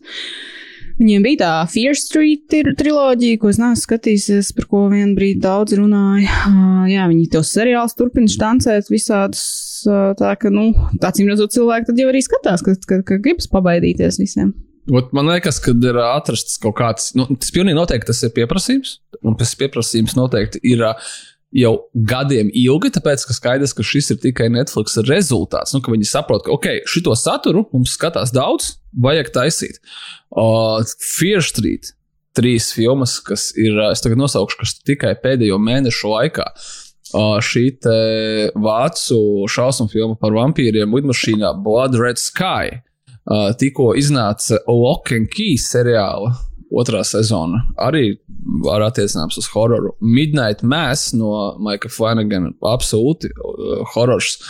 Uh, Hypnotic, uh, viens no pēdējās nedēļas jaunumiem, trilleris, bet skaidrs, ka ar šausmu kino elementiem. Tad viņiem ir uh, There's Someone Inside Your House, Jamesa Vona producēts jauniešu slashers, uh, Nightbooks tieši tiem, kas grib kaut ko uz Halloween un varbūt uh, tādu. Nu, Baisu, bet uh, visai ģimenei tur ir Kristīna Ritera, kā tāda uh, nu, spocīga, baisa ragana. Tad um, aktuālais emigrantu šausmu kino No One Gets Out Alive par, par kādu meksikāņu darbinieci, kuru bez dokumentiem, bez vispār iesēdina jaunā mājā, kurā viņi atdzīvo, cik viņi ir apkalpojušies personāls. Un tur, tur protams, notiek kaut kādas visādas uh, briesmu lietas. Tad vēl uh, šausmu un kinematogrāfa tematisks seriāls Brand New Cherry Flavor. Pirms pāris mēnešiem iznāca, bet aktuāls joprojām. Un, uh, tas tikai tas, ko es tagad uz sitienu varēju apskatīties uh, savā Netflix izvēlē. Intrusion mēs jau te bijām runājuši ar šo te uh, brīnišķīgu aktrisu no, no Svamdog miljonēru. Un, uh, un tā, praktiski katru nedēļu viņiem ir kaut kāds jauns uh, šausmu tipu kino. Tas ir tas, to, tas ir tas, ko Netflix pats ražo. Nemaz nerunājot par to, ka viņi pa brīdim met kaut ko klāt, kas ir iznācis uh, kinoteātros, jau arī citu studiju ražojumi, gan jauni, gan arī ne tik jauni. Tā kā tā, tas man šķiet ļoti interesanti. Jā, uh, Amazonam uh, savukārt, Amazon Prime video, viņiem ir līgums ar Boomhausu, ar šo te uh, Boomhausu uh, horroru pilnmetrāžas filmu seriālu, nu jau otro sezonu, un tagad nāk ārā jaunās četrā, četras jaunas šausmu filmas. Viņiem ir I Know What You Did Last Summer seriāls. Kas gan esot drausmīgs. Nu, bet tiešām es tā ne, neieslēdzu. Es redzēju, ļoti slikts atzīmes, bet, nu, okay. nu, es, vai kāds tur gaidīja tiešām kaut ko baigi izcilu, nezinu. Tad jau Crow Intentions no tiem pašiem veidotājiem arī nebūs nekas, laikam, tik ļoti spīdošs. Un tā, vienīgais, kas varbūt kaut kādā ziņā piebremzē, ir pašmāju veidotāji. Nekā, neko šausmīgu no latviešiem mēs pagaidām neesam sagaidījuši. Mums sagaidīja tikai pagaidām kāzas un kāzas un klases zaudējumi topā. Nu, jā. Un tā, bet, nu, labi, Līva, ko tu ieteiksi mūsu klausītājiem? Uh, nu jā, kā tu teici, mēs jau pa- pirms pagājušā reizes, kad mēs par šausmu filmām runājām, tur būs ļoti daudz ieteikumu. Tur, man liekas, mēs gājām tam mūsu parastajiem standarta struktūrai, ka katrs ieteicām kaut ko tā, ka ļoti daudz visāds ieteikumus var tur sameklēt, tāpēc es mēģināju izdomāt kaut ko, kas, ā, kas, kas varētu būt bijis jauns, ko es nebūtu teikusi toreiz, un man šķiet, ka es toreiz noteikti neteicu, bet, uh, jo to, to brīdi varbūt, man liekas, mēs vēl gaidījām, ka filma varbūt parādīsies uz kinoteātra ekrāniem, bet beigās tā arī nenonāca pie mums. Bet uh, Saint Maud filma. Uh, Oh, jā, mēs pareizi. viņu skatījāmies tā kā preses sēnesā agri, agri no rīta toreiz. Un tad toreiz vēl mums bija saruna par to, vai spocīgāk tā kā šāda tipa šausmas ir skatīties no rīta vai, teiksim, vēlā naktī. Un droši vien tā, tā, tā sajūta ir dīvaināka, ja tu viņu skaties no rīta, jo kaut kas tur nelīmēs kopā. Bet jā, šī filma tagad ir uh, pieejama šajā iTunes un Google Play. Uh, viņu, viņu var noskatīties uh, par spītam, ka viņa pie mums kinoteātros jā, tā arī nenonāca, bet tā ļoti, ļoti tāda. Interesanta šausmu filma, nu tāda vairāk uz to psiholoģisko pusi, bet arī ar tādiem tiešām ā, šausmu em- elementiem pamatīgiem. Tur, teiksim, man liekas, to pēdējo kadru filmas es atcerēšos vēl ilgi. Ā, Viņš ir tā kā iespiedies manā atmiņā. Tā bija Tā ir britu filma, tā kā britu psiholoģiskais jā, šausmu kino režisora Roza Glāsa. Tā bija viņai pirmā debijas filma, uh, filmas filma. Un uh, tas stāsts ir par. Uh, Tā kā māsiņu, tā, nu, kas apkū, aprūpē pacientus mājās, viņa atveido Morfīda Klārka, kuru mēs redzēsim, starp citu, drīz šajā Amazonas Lord of the Rings seriālā. Viņa, ja nemaldos, atveidos. Galadrielu jaunāku, ja es tagad baigi nemeloju. Ā, Bet jā, viņa atveido tātad šo tādu aprūpētāju pacientu.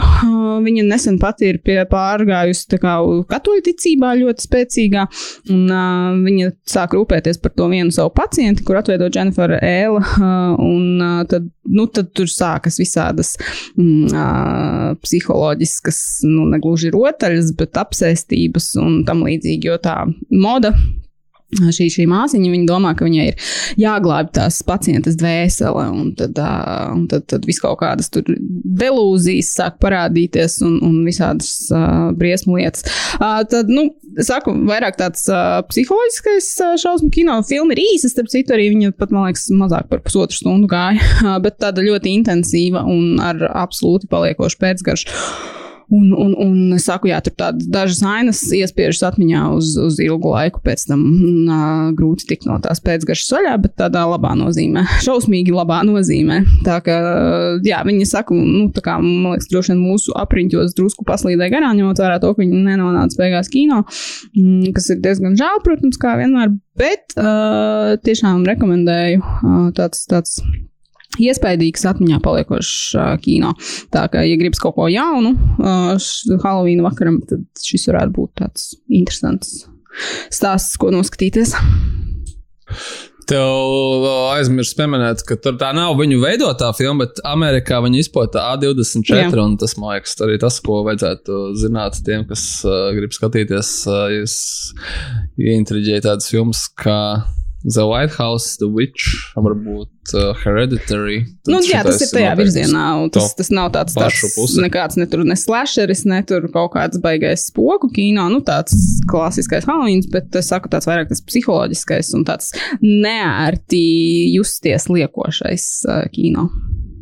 Bet ļoti nērti. Jā, Nē, nu, bet, kā, tad jau godīgi. gribas to nepatīkamu sajūtu. Tas, ko tu teici, ka tad, ja tu, nu, kad tu skaties tās šausmu filmas, lai sajustos labāk par savām problēmām, tad šī arī tev tā kā tu pabaidies, mm. bet tu sēdi tajā drošībā savās vai mājās vai kinoteātrā zālē, un tu zini, ka vismaz tev nav tā, kā viņiem tur notiekas. Tā ir tā drošā pabaidīšanās. Bet es sakam, šitā, nu tā, kad uh, izvēlētos kā savu komforta šausmu kino skatīties. Uh, jā, bet, bet noteikti, noteikti ir vērts pamēģināt. Mums, jā, pareizi teici, mēs skatījāmies viņu preses sensā revīzē, kas tā arī nekad nenotika, tiemžēl. Nu. Unfortunately, gadās arī tā. Nu, es no savas puses, vien, kad ieteikšu, varbūt, hmm, ja jūs gribat, varbūt, kad tieši Halloween laiks, ja jūs neesat tie, kas skatās ikdienā šausmu kino, ir iespēja pievērsties kādai no klasiskām filmām. Mums atcerieties, ka joprojām, joprojām diezgan aktuāls ir Aktuāli visi lielie kino seriāli. Tur mums gaida Texas Chainsaw Massacre jaunā filma kaut kad nākamā gada sākumā, starp citu, no tiem pašiem uh, Don't Breathe un jaunā Evil Dead uh, veidotājiem. Tā kā varbūt ir vērts noskatīties kādu no iepriekšējiem. No nu, kāda iepriekšējiem es domāju pašu, pašu pirmo oriģinālu. Tās pārējās es noskatījos jau jūsu vietā. Jums nevajag darīt to pārdzīvot.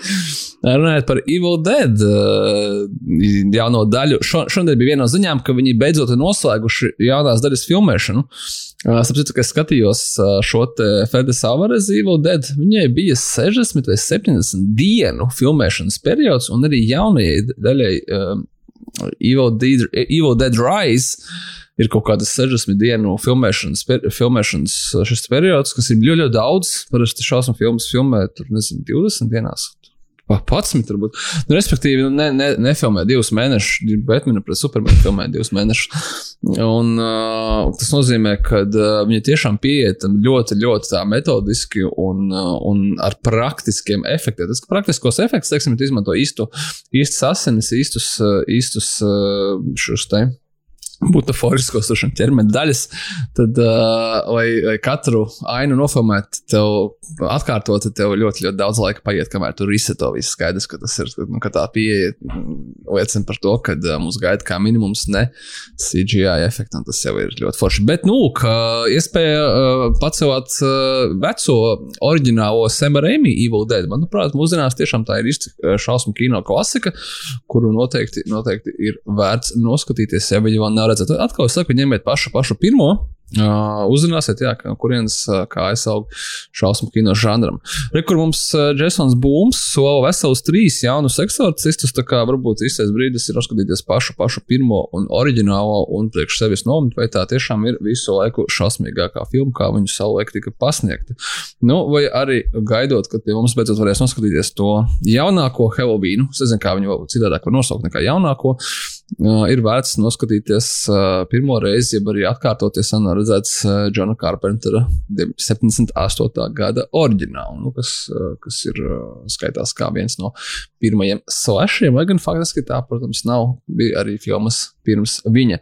Es neko nezinu par to, kas notiek ar piekdienu 13. vai šausmas gobu ielā, bet es zinu, ka šausmas gobu ielā gan kaut kādā ziņā vismaz uh, interneta vidē piedzīvo savu renesansi, un tāpēc varbūt ir vērts noskatīties arī uh, pavisam pašu, pašu pirmo daļu, pirmās trīs, četras, kuras nu, viņas tur bija tās uh, skaitās veiksmīgākās. Viņai ja tas rīmēks gan nav pārāk veiksmīgs, tas pats, laikam, ir, ir piekdiena 13. Daudziem nemaz nezinu, jau to spoileru, ka uh, Jasons pirmajā daļā nemaz neparādās. Nu, ceru, ka es nevienam neesmu to tā baigi sabojājis. Uh, varbūt tāpēc būs tikai interesantāk skatīties. Tā ir gan kaut kāda sola, ka tomēr kaut kāda turpinājuma, tomēr viņi, viņi visu, visu laiku plāno un atceļ. Pat, ja Fredijs, diemžēl, jā, ir visam atcelts. Nu, lūk, un, un, jā, un es, es esmu sev izvēlējies nākamo mērķi. Pēc eksorcistiem tas būs insidies. Mm. Es tagad kā, nu, šaušu pa tā augstāko. Tā kā, es izlasīju. Bet, nu, tur ir bailīgi. Re, Tur jā, jā, es izlasīju re, reditā, ka tas ir, ka tas ir cilvēks teica, ka visu laiku šausmīgākā filmā. Tā, ok, ok, ok. Jo es noskatījos visus Conjuringus, Es tagad esmu redzējis visus Conjuringus, visas Anabeles un Zenan. pēdējais Conjurings, tas nebija beigas bailīgais. Nu, pēdējo vēl neesmu redzējis tā arī. Esmu varbūt notrūlinājies. Tā pēdējais Conjurings ļoti interesanti. Viņā viņi ir paņēmuši kārtīgi reizi reāli eksistējošu notikumu un apspēlējuši caur Conjuring prizmu. Es nespojošu to tev, bet es, tur ir viens ļoti būtisks pavērsiens, kurš uh, tāds sērijai būtisks pavērsiens, kurš iepriekšējās Conjuring daļās, kuras, nu, būsim godīgi, parasti par to, kad ir kāds demons, un tad ir šie wareni, un tad viņi viņu tiek galā, un tad izrauga kaut ko no vēstures, un tad paralēli mm, atzīmē jaunu demonu, kurš parādās spin-off filmās. Pēc tam vēlāk. Nē, nē, šeit ir viens cits ļoti, ļoti būtisks elements, kas varbūt pat maina žanru okay. tam visam. Jā, tas tiešām nu, interesanti. Es skatos uz to Insidious sēriju. Es sapratu, ka es nemaz to pēdējo neesmu redzējusi Last Key, bet tās pirmās trīs daļas es redzēju. Un tā, nu, kā jau parasti, zin, kā ar laiku tās, tas, tā kvalitāte tur tā, nu tā. Eh e, e, bakstās prom, bet tas pirmais uh, bija diezgan, jā, ļoti labs, un tur reāli trieku var dabūt dažreiz. tā kā gatavojies. Okay, okay, es, esmu, es esmu gatavs, es saprotu, ka tas nav tāds vairāk tāds mūdītis, tāds, kur man liekas ārā kaut kāds uh, dārta molu līdzīgais demons. Es bildēs redzēju, yeah. nu tā kā tas ziņā, kad jūs laiku dzīvojat, bet es vienmēr esmu baidījies. Bet man liekas, ka tā stunda ir situsi un uh, ir laiks ķerties viņas sirdīs. Otrā, trešā daļa, sapratu, ir Netflixā. Pirmā daļa būs kaut kur jāsameklē kādā citā traumēšanas servisā. Uh, bet es tagad zināšu, ka tur vismaz četras ir. Es redzēju, ka ir iznākusi jaunā par, paranormāla aktivitāte, bet es nedomāju, ka es tieši tam klāt. Tur, kā, tur arī tur kā, daudz. tā pirmā bija oriģināla, un tad pēc tam tālāk jau tur kā, jāizdomā ar vienu jaunu kaut kādu veidu, kā tur kaut ko tur mocīt tos cilvēkus, un tad vairs kaut kā nav arī tik interesanti. Bet tur arī pirmā bija tiešām tāda, nu, efektīva. Jaunā daļa esot reboots, bet es pat jau es nezinu, ko tur ja tur Laikam tu biji vispār iedzināsies, kas, ka tur kaut ko var rebootot. Man visu laiku stāv uh, filma, ko es gribu vēlreiz noskatīties, bet es atceros, ka pirmo reizi viņu skatoties, man bija fiziski slikti un tā kā no nu, bailēm. Tāpēc, kad uh, tā filma strādājas kaut kādu manu uh, fobiju, manu fobiju, kurai pat nav īsti tāda, nu, tā kā es neesmu bijis tajā situācijā, kur es būtu dabūjis kaut kādu milzīgu traumu, ko es nevaru nosties. Un tā ir uh, fobija kaut kur īsti pa šauriem tuneļiem un iestrēgt, un tā ir filma The Descent. Oi. Un, uh, un to, es atceros, ka skatos, tāpēc, man grūti. Jā, grūti elpot, jo es kā, nu, tu, tu zini, kā mēs esam bērnībā, tomēr līdzi kaut kādās nu, ne gluži alās, bet, kas nezinu, tur sētā rokos kaut kādus tuneļus, kaut ko tam līdzīgu. Nu, ir sanācis kaut kur, kur tu ielien, un tu nevari, es nezinu, caur žogam tu lien cauri, un tu iestrēgst, un tu nevari tikt ne turp, ne atpakaļ. Un tad sākās šī panika, un tā filma man ir tik ļoti ietekmējusi, ka es visu laiku cenšos saņemties noskatīties no tā. Nē, es tā kā, nu, nē, es kā, no vienas puses tas ir tā kā, nu, kāpēc skaties arī tās šausmu filmas, tev gribas tur tā kā, tā kā scratch that itch drusku, un ka tev ir kaut kāds pervers, uh, pervers interese tomēr slikt sev justies kaut kādā mērā slikti, bet, nu, teiksim, no šīs jādescent un vēl kaut kādām, kas ir tur, kur viņi nirst vai vēl kaut kur, kaut kur iestrēgs vis kaut kādās šitās filmās, man ir drausmīgi bail, jo man arī man ir šī klaustrofobija. Man, kad es biju maza, mēs bijām ar vecmāmiņu un viņas tā kā audzināmo klasi, viņa bija skolotāja, mēs braucām ekskursijā un mēs bijām riežupas smilšalās, kas ir arī tā kā, nu, tur tā šauri jāiet iekšā, un tad viņi visi tur tā kā ar to klasi gāja, un es arī gāju līdzi. Es, bur, es iegāju, man liekas, 20 metrus un es izskrēju ārā. Es viņus gaidīju ārā. Es vienkārši tāds, nope, šitas nenotiks. Un uh, man, jā, man tādas šauras vietas nepatīk. Es vienkārši zinu, ka, nu, ka man tur sirdsklaus sāksies skatīties, kaut, skatoties kaut kādu tādu filmu. Bet tajā pašā laikā kaut kāda nu, drusku kā gribas likt sev justies tā nekomfortabli. Jo, nu, tad, kā es, tas, tas, ko es teicu, ka tu apzinājies, ka tu tajā brīdī, nu, tu tur neesi, vismaz, ka tu sēdi uz tā savu dīvānu vai kaut ko, bet, nu, kaut kāds mazohisms tajā visā iekšā ir. Nu, labā ziņa tāda, ka The Center ļoti laba filma. Uh, nabaga Nīlam Maršam, kurš uh, ar Doku Soldiers labi iesāka, ar Descent turpināja, pēc tam viņam bija Hellboy un Doomsday un viss kaut kas vēl, bet, uh, bet šis noteikti viņa karjeras kaut kādā ziņā augstākais punkts, un viņa tiešām ir ļoti, ļoti baisi. Ja kāds nav redzējis, tad es jūs izaicinu. Nosiet, bet priekš tevis, Līvas, tieši sapratu, kādu es filmu ļoti, ļoti gaidu. Pat cik es, kad es uh, skatījos tos savus Texas Chainsaw Massacres un pārējos, es lasīju, ir ļoti daudz informācijas, kā ir attīstījies slasher žanrs un ir tāds uh, šausmu kino žanra paveids, kā The French New Extreme, uh, kurš ir jau no 90. gadiem. Kā jebkurš žanrs, uh, viņš ir uh, negluži plašs, viņš ir ārkārtīgi subjektīvs atkarībā no tā, kurš par viņu runā. Bet mēs visi zinām, ka ir tādas, uh, ir vesels vilnis ar uh, jauniem franču autoriem, tur sākot ar Aleksandru Adžu un viņa šo te hot tension, tad bija Frontiers un, uh, un uh, Xaviera Jensa filma Martyrs. Es gan neesmu redzējis. Es redzēju, Nē, bet es zinu par viņu. Es arī zinu par viņu. Tā, tā ir tā filma, kuras esmu izlasījis. Tad, daudz, tā ir tā, kur jāsaņemas, man liekas, viņu skatīties. I'm never ever watching it. Never ever. Nu, tā kā, nu, es biju skatījies to Frontiers, kas bija, kas skaitās tā kā, nu, tā kā tāds martīrs light, un man pietika ar viņu. Es vienkārši saprotu, ka, nu, es esmu informēts par to, kas tas tāds ir. Un jā, un viņi ir viņi pārsvarā, pārsvarā nāk no franču režisoriem, jauniem franču režisoriem, kas filmē ārkārtīgi, ārkārtīgi asiņainas, tie pašā laikā arī psiholoģiski tādas disturbing šausmu filmas, un tas viss notika 2000. gadu sākumā, tāpēc tā kā New French Extreme. Tur gan tiek ierakstīti principā pilnīgi visi, sākot ar ar šo te.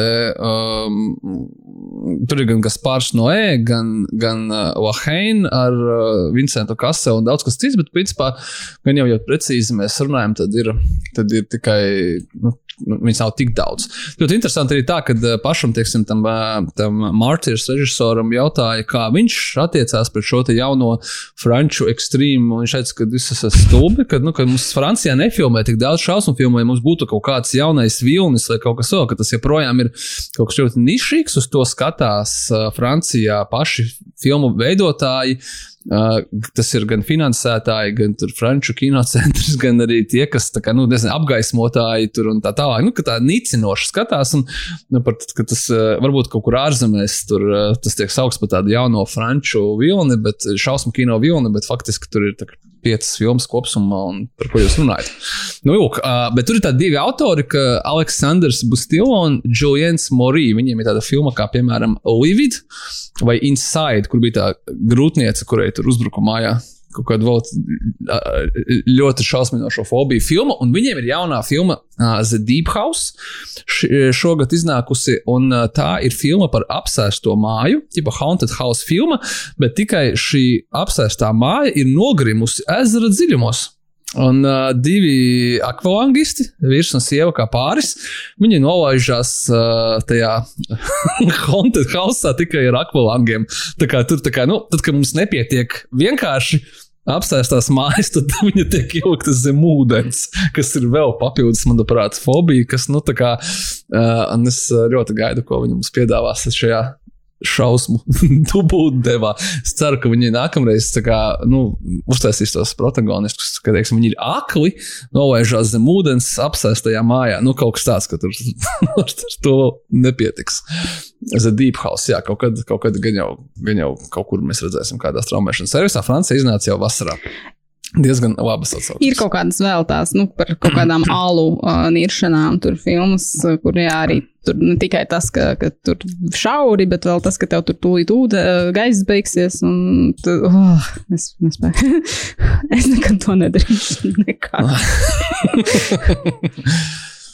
nu, lūk, un, un tā kā mums. Uh, Viss, kas tagad, tagad 90. Eh, gada beigas, 2000. Eh, nāk, eh, nāk atpakaļ, ir populārs. Nākamgad, janvārī, sagaidīsim jauno kliedzienu daļu. Tā kā iespējams, Scream, tiem, kam patīk tas varbūt vieglāks horors, jo es esmu skat, es kaut kad šeit pagājušajā gadā, arī pandēmijas laikā pārskatīju visus četrus iepriekšējos Scream. Nu, skaidrs, ka tur pa baidīšanos neiet neruna, tas tāds vairāk tāds fun, thrillers, kaut kas tāds ar ārkārtīgi, ārkārtīgi meta.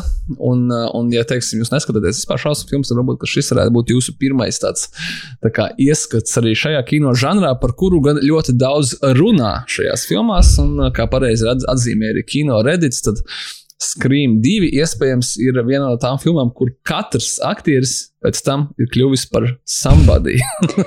Tur ļoti daudz zināmu toreiz un zināmu šobrīd aktieru pirmā plāna, otrā plāna un pat trešā plāna. Bet, jā, man liekas, lai tev būtu kaut kāds tas pamatīgais baudījums no Scream, tev tomēr ir jābūt redzējušam kaut kādas tās šausmu filmas, jo tad, nu, es nezinu, cik tu varbūt novērtēs, tad visas tās, kā es teicu, tur ļoti daudz atsaucas, nu, tā, tā kā Noteikti meta filma, un tad jā. varbūt, ka tu, es nezinu, nu, man grūti tas novērtēt, tāpēc, ka es esmu skatījies šausmu filmas, un es tur tās atsaucas saprotu, ne visas noteikti nebūtu ne, jo es arī neesmu tāds eksperts, bet, nu, ka ja tu tā kā pilnīgi izdomā, ka, o, oh, es tagad gribu skatīties šausmu kino un es sākšu ar Scream, ka es nezinu, vai tas, tas stāsts turēsies pats par sevi kopā. Tik tādā, es saprotu, nu, es saprotu, nu, domā, bet... no, nevis, ka viņš neturēsies kopā, bet vai tu viņu novērtēsi tā, kā, kā tas ir domāts.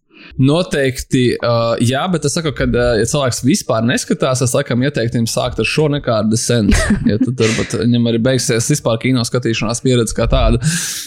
Bet, uh, bet nu, es ceru, ka viņš pēc tam gribēs noskatīties, okay, kas, kas, ir, kas ir šīs atsauces uz ko un, un tā tālāk. Nu, un, un beig, beigās sakam, ir jānoslēdz šis ieteikums ar, uh, ja, ja pēc skrījuma jums ir par traku, tad vēl ir ļoti atsauču pilna filmu sērijas Scary Movie. Mm. Es, mēs nesen bijām ar kino, kino kulta komandas biedru Ulu. Mēs mēģinājām noskatīties otro daļu. uh, sākumu. es domāju, ka, tas, jā, ka tur, šī, šī noteikti ir tā filma, kurai ir uh, jau Netflixā prasās pēc disclaimera, kad uh, līdzīgi kā bija pie, pie vējiem līdzi, viņi liek, ka tie bija citi laiki, tas bija cits humors. tā kā viņi tik ļoti nepalika korekti. Cik, nu, tā kā mūsdienās tu, tu skaties un domā, what the hell, tā kā, nu, ko, ka, ka, kāpēc tiešām tur nav kaut kāds brīdinājums, ka, ok, tā, mēs to filmu tā kā necenzēsim, bet, uh, bet nu, mūsdienās jā, par tādām lietām nejoko, teiksim tā. Un, un tā bet uh, kaut kādā ziņā ir sava laika artefakts, un, uh, un jā, atsauču ziņā varētu pakonkurēt ar Scream. Tā kā es nezinu, tad uh, sākotnēji Vesa Kreivena Scream projekts saucās Kevina Williamsona scenārija līmenī, kā Scary Movie. Tas bija scenārija nosaukums. Pēc tam gan uh, bēdīgi slavenie Weinsteini izdomāja, ka uh, tomēr labāk jānosauc viņu par Scream, nevis par Scary Movie. Citādāk, nu jau pavisam tā kā izklausās pēc kaut kāda joka. Nu, bet Veins saprata, ka tas tiešām mm -hmm. izklausās pēc joka un uztaisīja savu parodiju par to. Veins ir tikai pirmās divas daļas, pēc tam laikam ir cik vēl piecas viņas kopumā. Ir? Oi, es jau tur kaut kādā brīdī atslēdzos arī no tā visa. Tur ir Veslīs Nilsens, Čārlis Šins un Vincija Lohana. Tā kā es nezinu, vai tie ir tie foršākie cilvēki, ar kuriem. Kur, kuriem tā. Bet, bet jā, kā arī būtu, pēc tam šeit pēdējā laikā mēs neesam redzējuši nekādas tādas veida šausmu parodijas. Atskaitot tās visas kaut kādas jocīgās epic movie. Un, nu, tādas, un tādas scary movie stila, man liekas, nu, tad viņas izgāja no modes, man liekas, arī. Tagad mēs tad pēdējos gados iebraucām viņš citā virzienā ar tām nostalģijas visiem seriāliem un filmām. No sērijas tā kā Stranger Things un vēl kaut kādas tam līdzīgas, kas, kā, kas nevis parodē, bet kas, nu, tā kā kaut kādā mērā mēģina imitēt to, to stilu, tos laikus, bet, nu, tas atkal, tas jau ir pilnīgi kaut kas cits. Kur nu vēl labāks ieteikums, kā nosl eh, noslēgt šo tematu, kā noskatīties eh, kino kulta komandai sirdī ļoti tuvu un svarīgu filmu, kas tieši tā pārbaudīs jūsu, es nezinu, kā pateikt, toleranci uh, pret šausmu kino kopumā, zināšanas par šausmu kino kopumā. Cabin in the Woods, protams, tas jau ir tas ideālais Halloween kino. Varbūt pat mēs viņu būtu parādījuši vēl vienu reizi viņu var jau bezgalīgi daudz skatīties, ja vien mums būtu kur to darīt. Tā kā nāksies mums to darīt katram savās mājās. savos straumēšanas servisos un atskaņošanas ierīcēs. Bet kā vienmēr, dodiet mums ziņu, ja mēs esam kaut ko svarīgu aizmirsuši, mēs ņemsim vērā. Un, oi, kā saka, noder. Yeah, well, you know, that's just like. Uh... Your opinion, man. Nu, un ko tad mēs šajā Halloween nedēļā esam noskatījušies? Labā ziņa ir tāda, ka šoreiz būs īsāk nekā parasti. Sergejs Masados nav skatījies. Uh, nu, vai arī viņš ir kaut... skatījies, bet viņam nav iespējas par to pastāstīt. Friends vai kaut kādas vēl lietas, vai mēs neiekritīsim 20 minūšu aprakstu par to, par ko ir seriāls. Tur, piemēram, Sex Education vai kaut ko vēl. Respektīvi, tā kā Tas, kurš grib zināt, tas uzzinās. bet, uh, bet es redzu, ka tev ir ļoti interesants, uh, interesants, ko tu esi redzējis, noskatījusies. Noskatījusies. Tad, uh, jā, es saprotu. To. To, to, to joku, ko tu mēģināji tagad. es jā. uh, es noskatījos, jā, otro sezonu Apple TV plus seriālam C, uh, kas, uh, kas, kas viņiem, jā, bija viens no tiem pirmajiem, ar ko viņi toreiz palaida to servisu ar pirmo sezonu. Un tad es toreiz, kad viņiem nu, tur sākumā bija tikai kaut kādi, cik tur tie pieci seriāli, tad es arī noskatījos šo. Jo, nu, es nevaru teikt, ka man viņš ārkārtīgi fascinēja konceptuālā līmenī, bet tāds, nu, ē, nu, es paskatīšos. Un tad tagad es esmu investējis jau viņā gan daudz laika, lai es turpinātu viņu skatīties. Un tad, kad būs trešā sezona, arī viņu skatīšos, bet es nevaru teikt, ka es viņu baigi izbaudu šo seriālu. Tāpēc viņš arī turpinot kaut kādu šausmu tematiku, arī drusku tajā ie, ie, ietilps. Uh, bet, nu, ja jūs nezināt, par ko ir stāsts, uh, seriāls uh, C Tā darbība norisinās kaut kādā tālā nākotnē, kad uh, vīrus bija iznīcinājis lielāko daļu cilvēces, un tie cilvēki, kas izdzīvoja, un pēc tam viņi pēc tālāk, viņi ir zaudējuši redzi. Nu, tā kā visa pasaule būtībā ir neredzīga. Un tad, bet, nu, kā jau to var sagaidīt, tad kaut kādi cilvēki tomēr pēkšņi piedzimst ar redzi, un, nu, attiecīgi tas uzreiz kaut kādas problēmas raisa. Un tas Interesantais elements tajā visā ir tas, ka nu, viņi attiecīgi ir izdomājuši ļoti tādu sarežģītu pasauli. Jo, nu, respektīvi, ja visa cilvēce šobrīd ir neredzīga, tad nu, tā kā mēs dzīvojam šobrīd, tas nevarēja tā turpināties. Un tad, uh, lai gan kā tas notiek nākotnē, viņi ir atgriezušies atpakaļ pie kaut kādām nu, tādām uh, tribal lietām, pie tādām cilšu sistēmas, un, un uh, nekādas tur tehnoloģijas arī nav, un nekas tam līdzīgs. Viss ir tāds, nu, tāds ļoti primitīvs, uh, bet tad, jā, tajā pašā laikā ir kaut kādas paliekas no, no arī no tās iepriekšējās pasaules. Viņi tur staigā garām lidmašīnu vrakiem un, uh, un viskaut kam. Nu, tur ir diezgan ļoti, saku, tā izdomāta tā pasaule diezgan detalizēta. Tur arī no kaut kāda tāda leksikas viedokļa, no tā vārdu krājuma, kā viņiem ir mainījusies valoda un vispār nu, attieksme pret visādām lietām laika gaitā uh, un kā viņi tad arī to dzīvi ir iekārtojuši. Tur ir ļoti daudz tādu interesantu elementu, bet tad tajā pašā laikā. Ja tu velti vairāk nekā divas minūtes uh, tam, lai par to visu padomātu, tad tas nu, viss sabrūk. Tā kā tāds kāršu nams, jo nu, tas seriāls diezgan dumšs kaut kādā tādā arī pamatlīmenī. Nu, vien, vienlaikus noticis tam, ko viņi rāda, ka tiešām, jā, ka, ka cilvēki varbūt tiešām varētu būt tā izdzīvojuši un iekārtojuši šādu sistēmu, bet tajā pašā laikā nu, tur ir kaut kādas pilnīgas muļķības tajā visā. Un, kad, nu, kad, nē, nu, tas tā nav, nav nekādā veidā pieņemami. Tā, nu, tur tāds konfliktējošs emocijas ir, kad tu viņu skaties. Galvenajā lomā tur ir Jasons Momo. Viņam tāda kārtējā tāda pusmežoņa loma, kas ir kaut kāda viņa niša. Kaut gan viņš ir nu, spējīgs arī tēlot ne tādas lomas. Nu, viņš tā kā bišķiņ, man liekas, ie, ie, ie, iebāzts tajā rāmī. Uh, jo, teiksim, nu, tajā jau nu, arī tur bija kaut kāda tās momojīgās uh, viņa iezīmes, bet viņš jau, man liekas, spējīgs arī kaut ko, kaut ko kas nav tikai. Uh, uh, Kals Drogo un variācijas par to atveidot. Bet nu, šis ir vairāk tāds jākal uz to Kala Drogo pusi. Viņam tēls ticis, un tad uh, viņam ir jā, viņam tur tā sava cilts.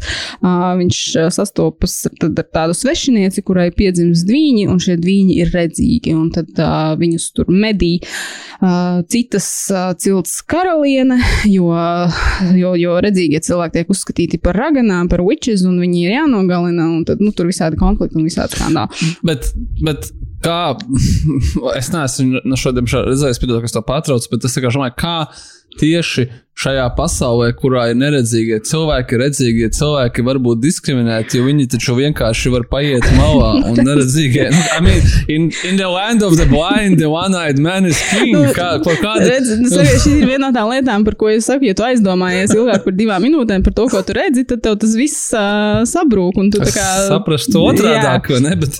Nē, nu viņiem ir, jā, viņiem ir kaut kādi daži redzīgie cilvēki, un tad, nu, nu, tur nav naudas, nu, tur nevajag meklēt kaut kādu loģiku. Un, Un redzīgais, redzīgais ir vienkārši izlikties, ka nē, nē, es neko neredzu. Es esmu arī.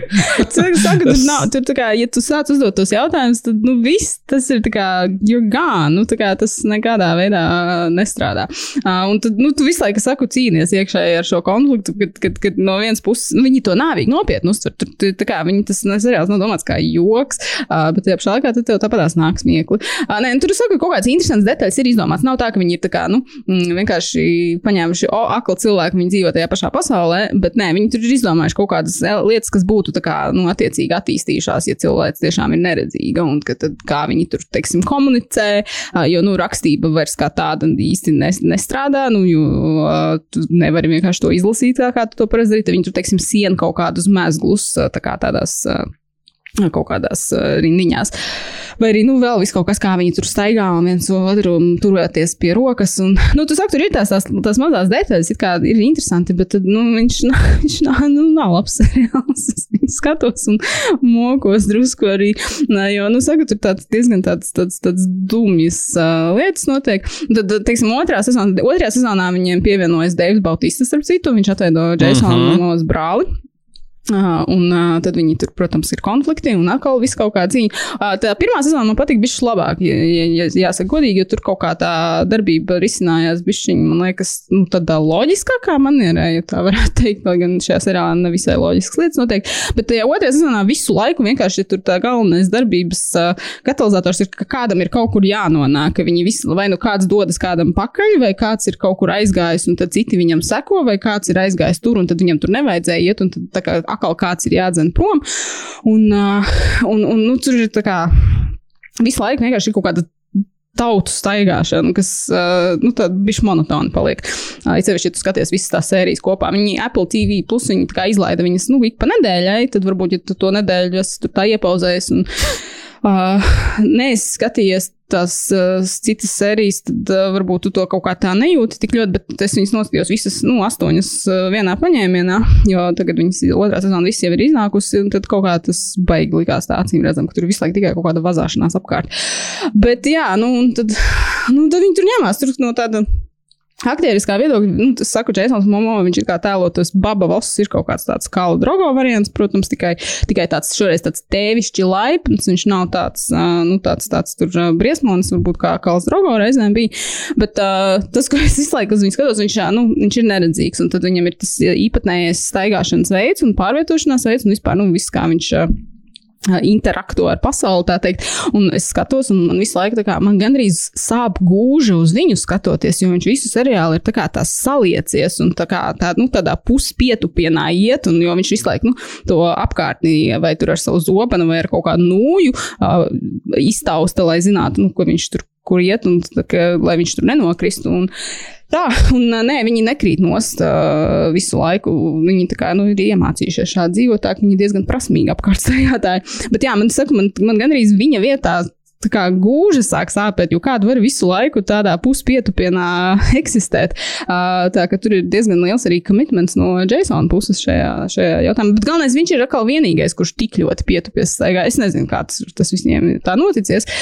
Ļoti, ļoti daudz jautājumu. Tad īpaši interesanti tur ir uh, kā ļauno to antagonisti.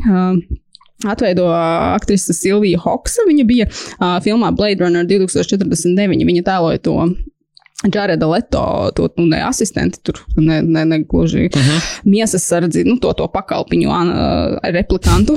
Un uh, šeit viņa tēlojā tur tādu ļauno karalieni. Uh, un tur, nu, viņa kā, tur ir tādas interesantas izvēles viņas atveidojumā veiktas. Nu, kā tas, kā viņa runā, tas manieriskums, tur ir, tas ir ļoti apzināti darīts. Es nevaru apgalvot, ka tas vienmēr strādā, bet uz to ir ļoti interesanti skatīties. Nu, es nevaru to noraksturot, tas ir vienkārši jāredz, tas, ko viņi dara šajā seriālā. Tur ir, nu, tā kā choices were made, tā teikt. Es nesaku to, to, to es nekādā veidā nevarētu to uh, atveidot, sevišķi, kur nu vēl podkāstis, podkāstiskā formātā, bet uh, kaut vai intrigas pēc pastīties uz viņu, uh, es ieteiktu, jā, pamēģināt. Bet kopumā, jā, nu, tas, nu, es saku, es jau teicu, esmu investējusi tagad jau cik tur 6 16 stundas šajā visā, un tad, nu, principā pēc skatīšos tālāk. Jo tas, kas man drusku interesē, gan ir jāsaka, vai viņiem ir vispār kaut kāds, nu, tā teikt, endgame prātā, ar ko Plans. tas viss, jā, varētu, nu, uz, vai, vai ir kaut kas, uz ko šis seriāls iet, vai viņi vienkārši, nu, mēģina tur tā kā izdomāt katrai sezonai kaut kādu to konfliktu, jo, nu, pirmā sezonai bija kaut kāds viens aptuveni plus mīnus centrālais konflikts, tad otrajai, protams, ir atkal drusku cits, tā kā es teicu, tur pievienojas. Uh, Deivs Bautista. Un tad, nu, atkal tur bija mainās tas šaha laukuma izkārtojums un tā. Bet, bet man interesē, jā, vai viņiem, teiksim, vai viņiem ir kaut kāds punkts, ko viņi tiešām vēlas ar to visu sasniegt. It kā liekas, ka jā, bet tajā pašā laikā varbūt arī, ka nē. nu, tā, tā, tādas intrigas jautājuma ziņā es tiešām viņu noteikti pabeigšu skatīties, cik ilgi viņš ies, to mēs vēl nezinām. Trešā sezona noteikti būs. Bet, uh, bet nu, jā, tas ir tāds, nu, es nezinu, vai viņiem tā ir kaut kāda lielākā veiksme. It kā tur visas tās ambīcijas ir, un droši vien budžets tur arī noteikti ir pamatīgs, jo viņi, nu, saka, ka to pasauli. Es teikuši, ka dārgākais seriāls vismaz nu, viņš izstāsta, jā, nu, ka tur ir uh, visas tur lokācijas un kas tik tur vēl, ne? Nu, It kā, jā, interesants lietas ir un kaut kāds tas koncepts uz papīra it kā ir interesants, bet es saku, nu, tur nevajag domāt līdzi, jo tad, nu, tad ir baigi slikti. Nu, tāds, tāds, jā, es esmu tāds, tāds uh, miksts sajūtas par to visu ir, un saku, nu, principā pēc uh, es viņu turpināšu, bet. Uh, Bet, bet, bet uh, nu, nezinu, vai tas ir tā vērts. Kaut ko viņi saka, viņi mēģina kaut kādu, man liekas, to Game of Thrones, uh, to, to, to uh, popularitātes faktorus uzķert, jo nu, tur arī tāda vardarbība ir tāda šokējoša brīžiem. Nu, tā, ka tu norausties, ka tur kāds, hmm. nu, tiek, nezinu, tur galva nocirsta, roka nocirsta vai kaut kas tam līdzīgs. Tad tur arī, protams, kaut kādas tur uh, seksa lietas, jo kā tad bez tām. Uh, un un, un uh, arī interesants izvēles šajā jautājumā tur ir sevišķi otrajā sezonā notiek. Bet, uh, Nu, kaut kas tur īsti līdz galam neklikš. Es saku, ja, ja, ja kāds ir sācis investēties ar savu laiku šajā seriālā, tad droši vien gribēsies pabeigt, bet es nevaru teikt, ka es viņu baigi rekomendēju. Nu, tas ir tāds, ja jūs esat baigie Jasona fani, varbūt. Bet, uh, bet tad, uh, nu, tur jābūt tiešām viņam cien, lielam cienītājam. Nu, teiksim, arī ir kāds baigi lielais Deivis Bautists fans. Nu, neko baigi interesanti jau viņš šajā seriālā nepiedāvā, ko jūs nebūtu no viņa redzējuši kaut kur citur. Un uh, viņš arī īstenībā nav, man liekas, tik baigi daudz tajā otrajā sezonā. Nu, kad, kad, kad tur nav tā, ka viņš tur būtu kaut kāds otrais protagonists vai antagonists gluži. Tā ka, nu, nu, nu nezinu. Bet šis noteikti ir uh, intriģējošākais no tiem Apple TV pusariem, kurus es neesmu skatījies kopā ar šo te viņu, to šamalānu. Uh, bet, no, bet man liekas, ka tas ir, man viņš ļoti intriģējami, un īpaši arī Batistas otrajā sezonā es biju, kā es biju nolēmis, ka es tagad varētu sākt skatīties. Nu, es to neizdarīju, gan, protams, bet, uh, bet vēl, vēl, vēl man bija, un tagad tas, ko tu izstāstīji, man absolūti nav atrunājis. Man tikai vēl vairāk uh, interesanti, kā tur, kā tur viss izdevās. Es, es biju dzirdējis ka viņš ir muļķīgs. Ka, nu, tā, tā, jā. ka jāpieņem, ka, jāpieņem, ka tā tas ir ar, tā, ar to redzi. Un, ka, tu nu, nevari tu, sākt mēģināt tur domāt loģiski. Jā. Loģiku, jā. Jo tad, nu, tu, tu, tu viss liekas tur pilnīgi ārprātā. Bet, nu, kaut kāda, nu, ja tu vienkārši burtiski viņu skaties un atrubīji smadzenes, tad varbūt, jā, bet tajā pašā laikā, zināmā, viņš nav, man liekas, tur nenotiek tā darbība, nav tik, tik aizraujoša, lai viņš arī tik vienkāršā līmenī strādātu, ka tad viņi tur atkal muģinās un tur kaut kādas tās politiskās intrigas. Un es teiksim, nu, pirms es otro sezonu sāku skatīties Apple TV, plus viņi jau ir gudri. Viņi, nu, kā jau viss cits arī šīs straumēšanas platformas, viņi tev piedāvā noskatīties iepriekšējās sezonas tādu nu, īsu apkopojumu, lai atgādinātu, kas tur notika. Un es skatījos, un tāds, ka to sākumu es vēl atcerējos, bet tad, kad viņi tur, tas, nu, tas recap turpinās, man bija tāds, es uh mhm. -huh. vispār neatceros, ka kaut kas šitāds būtu noticis. Nu, tad tā uzmanība diezgan arī ar laiku laiku vienkārši aizpeld prom. Jo viņš sāks varbūt vēl, kamēr tu to konceptu izpēti, un tā ir diezgan interesanti, bet tad, kad uh, pie tā tu jau esi pieradis, tad nu, viņiem kaut kādi tie veidi, kā varbūt tev pārsteigt, beidzas no tieši tā konceptuālā viedokļa skatoties, tad viņiem jāsāk nu, kaut kādi tie sižetiskie risinājumi domāt, kas Nu, tad jau viņš saka, tur paliek kaut kāds atkal, tur sāk vienkārši tās politiskās kaislības, tur viena cilts karo ar otru cilti, kaut kādi tur strīdi, kaut kādi tur aizvainojumi, un tad uh -huh. viņi mhm. tur ies kasīties, un saka, tad atkal visu laiku kāds pie kāda iet, un tad, uh, nu, tur vairs nav tas kaut kāds tas oriģinalitātes uh, aspekts pazūd, jo, ok, tagad tu arī zini, ka kaut kādi cilvēki ir redzīgi, kaut kādi cilvēki lielākā daļa absolūti, protams, joprojām ir neredzīgi, bet, nu, kaut kā grūti viņiem iet. Nu, redzēs, ko viņi tur tālāk darīs tajā trešajā sezonā. Un es saku, man interesē, vai viņiem ir tiešām kaut kāds tāds nu, noslēguma punkts, ko viņi iet prātā, ar ko tas viss varētu beigties. Bet, bet nu, tur tāda, jā, baigā ņemšanās, bet, bet tad, tad rezultāti tādi, nu, ok. ok. Uh, es noskatījos divus Netflix filmus. Vienu jaunu, otru pavisam jaunu. Sanāks, š, š, ja, jauns un vēl jaunāks. Jānis vēl jānāks. Jā. Uh, es gan sapratu, ka kaut kā pēc pirmās es sapratu, ka, uh, kā, kā lai tagad aprakst, mēs esam par to daudzreiz runājuši, ka tām Netflix oriģināla filmām viņām visām ir kaut kāda tāda šausmīga. Viņas izskatās vienādi, viņas jūtās vienādi, viņas kā plūst vienādi. Neskatoties pat uz to, ka dažreiz kaut kādi mūsu iemīļotie režisori, ieskaitot Mārtiņu Skorsēzi, viņas veido, viņas visas ir kaut kādas tā kā tādas, nu, Nu, es nezinu, tad, nu, kā, ne, negat, kad es to negatīvi izmantoju, tas ir šļūris. Es saku, tā kā viena, viena, viena, vienveidīga. Bet es negribu to izmantot vienmēr negatīvi, taču kaut kas viņām ir tāds, ka viņas zaudē kaut kādu savu, nezinu, lielu ekrānu, kaut kādu to, to, to piegaršu, un viņas kļūst par tādu kādu, kaut kādu vienveidīgu masu, kas ir ļoti viegli patērējama, ļoti viegli viņu skatīties, ir, bet tu saproti, ka hei, tas kā, kaut kāds kaut kas tur kā, ne tukšs, bet tāds tā kā, nu, virspusējs vai paviršs. Es nezinu, pat, pat pašos izstrādātākajos projektos. Uh, man viens no mīļākajiem kino žanriem ir vampīru kino žanrs, kurus esmu arī daudzreiz minējis.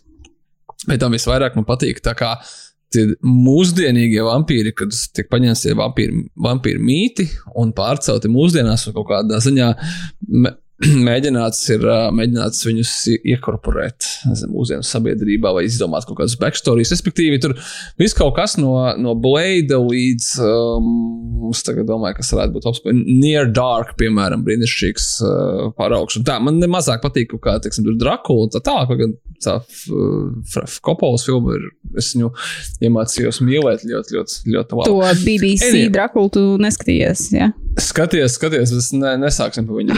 Nē, nu mēs par viņu jau runājām. Atsevišķi podka- podkāstu vērts. Nu, uh, tāpēc man ir ļoti intriģēja mm, svaigākā atkal jāsaka Netflix šausmu filma. Tā nav šausmu filma, būsim godīgi. Tā ir, nezinu, kaut kāda komēdija, thrillers, actions.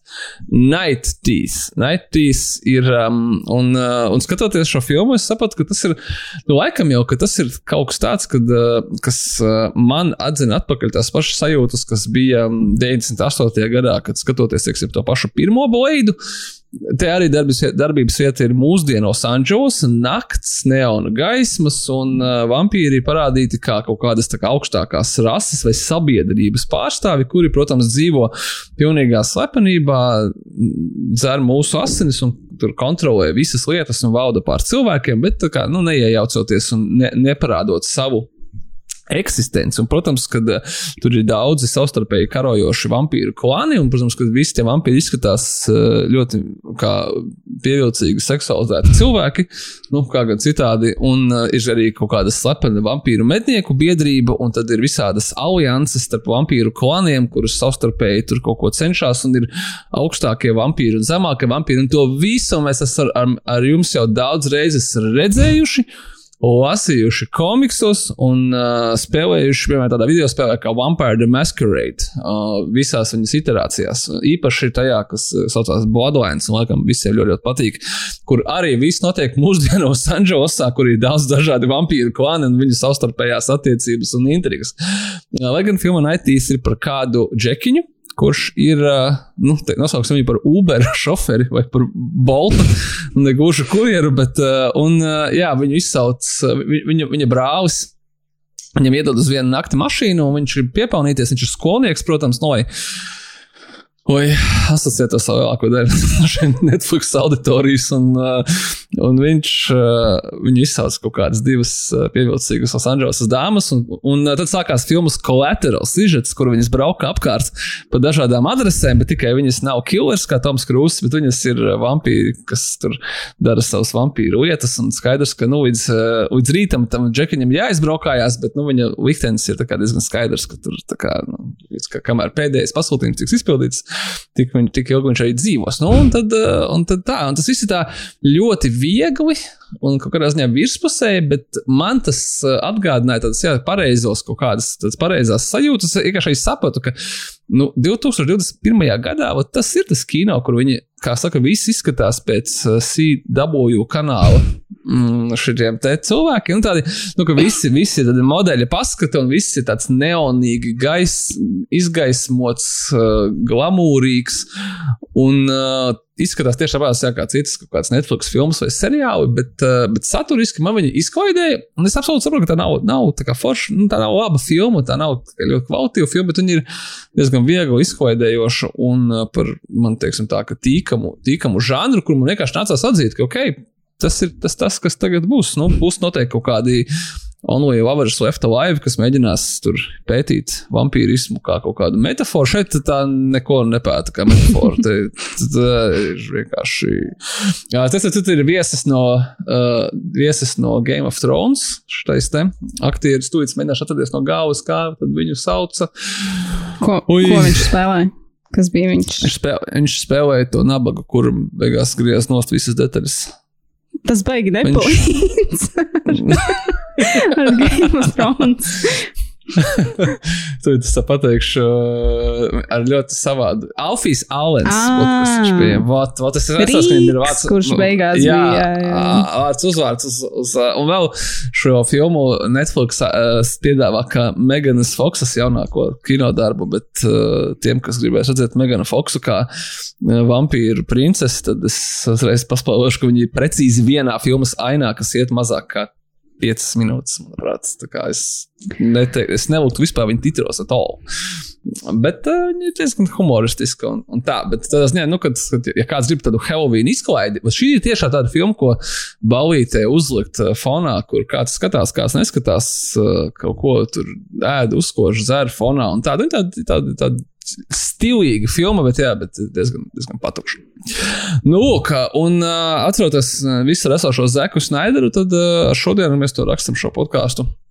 Piektdien, 29. oktobrī, iznāk viņa Army of the Dead prequels, slash spin-off, Army of Thieves. Un šeit gan, manuprāt, tas ir ļoti interesants darbs, un es visu cieņu un novelku, novelku cepuri priekšā gan Zeka Snaidera, gan arī Netflix, Netflix priekšā par to, ka viņi ir uztaisījuši prequelu um, kurš visticamākais uh, iegūs, es domāju, ne mazāku popularitāti. Nu, es domāju, ka Netflix algoritms parūpēsies par to, lai visi, kas skatījās uh, Army of the Dead, uh, vai viņiem parādās pie suggested arī šī filma. Uh, un es domāju, ka ļoti daudzi noskatīsies arī tāpēc, ka viņi nav skatījušies Army of the Dead. Un es pat arī ieteiktu šo filmu cilvēkiem, kas nav skatījušies Army of the Dead.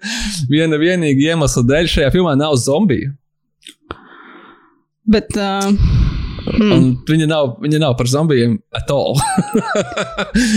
uh, viņa ir par uh, Army of the Dead, vienu no spilgtākajiem otrā plāna personāžiem. Uh, Vācu aktiera Matiesa Šveikhofera. Matijas Šveikhofers, uh, jā, viņš, viņš, viņš atveidoja Dīteru, to, kas ir uh, spēcīgākais uh, seifu kramplauzes uh, pasaulē. Un šī ir filmota kā viņa origin story. Tas ir interesanti, tad Matijas Šveikhofers ir viņu arī režisējis. Un uh, viņš ir reāli nokopējis Zeka Snaidera vizuālo stilu.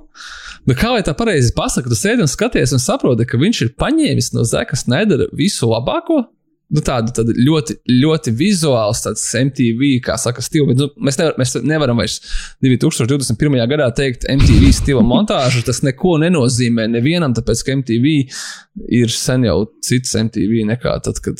Tad, kad... Ja, ja kāds jaunietis klausās, viņš vispār vai zina, kas ir MTV. Par ko jūs jā? runājat? Kāds, kas ir MTV? Kāpēc? Respektīvi, ļoti, ļoti ātra, ļoti stilizēta montāža, bet uh, Zekam Snaideram ir tā, ka viņam ir ļoti ātra, ļoti stilizēta montāža montāžu, tad viņam ir 30 sekundes slow motion, kas šeit, teiksim, nav. Nu, tā ziņā, ka uh, Matijas Šveikhofers kā režisors tā nav, gan viņa pirmā režijas filma.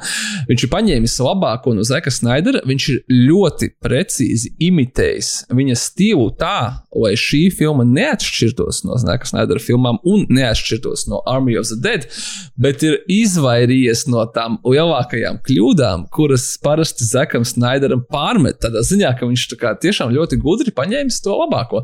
Nu, un, jā, un kā prīkvēl filma, viņa stāsta par šo viņa atvedoto varonu Dīteru un par to, kā viņš kļuvis ir par uh, labāko seifu uzlauzēju, nosauksim viņu tā, pasaulē, vai, vai vēsturē, vai tā tālāk. Un tur ir ļoti daudz interesantu mazu detaļu priekš tādas spin-off filmas, kuru pēc tam palaida uh, izstrādē viņa uh, vēl neiznākot Army of the Dead, kas nozīmē, ka viņa visticamākais neveltīja īpaši ļoti lielu budžetu. Viņa ir fantastiski izstrādāta. Tas ir tāds, uh, ja pat ne, es negribu teikt, Ocean's Eleven, tas drīzāk ir Italian job kā Ocean's Eleven. Tāpēc, ka vienkārši viņam šeit arī, protams, ir komanda. Uh, ar vēl vienu Game of Thrones zvaigzni šo te uh, Natāliju Emanuelu. Natāliju Emanuelu, jā, viņas visi, viņi visi, laikam, ir aizgājuši, devušies Netflix ap, apskāvienos. Uh, nu, tā komanda sastāv no pieciem cilvēkiem, līdz ar ko es vairāk salīdzināšu ar Italian job. Kā arī tāpēc, ka visa darbība notiek Eiropā, un atkal jau šeit ir vēl viens tāds Netflix uzvara. Uh, ja Army of the Dead bija tāds tipisks un ļoti smagnējs uh, Hollywoods blockbusters, kurš no, arī darbības iet Las Vegas, grūti iedomāties kaut ko vēl amerikāniskāku kā Las Vegasu, tad šeit darbība notiek piemēram Parīzē, Cīrihē.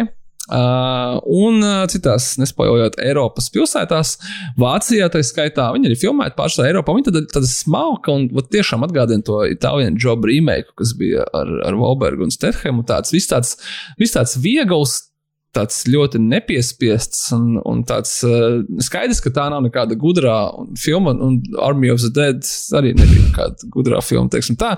Bet es kaut kādā ziņā viņus apsveicu, jo viņi vairākās, vairākos līmeņos viņi ir uh, paņēmuši labāko, ko deva oriģināls un ko dod šī platforma, kas ir nu, Netflix. Ko gribētu teikt, jā, viņi ir starptautiska platforma.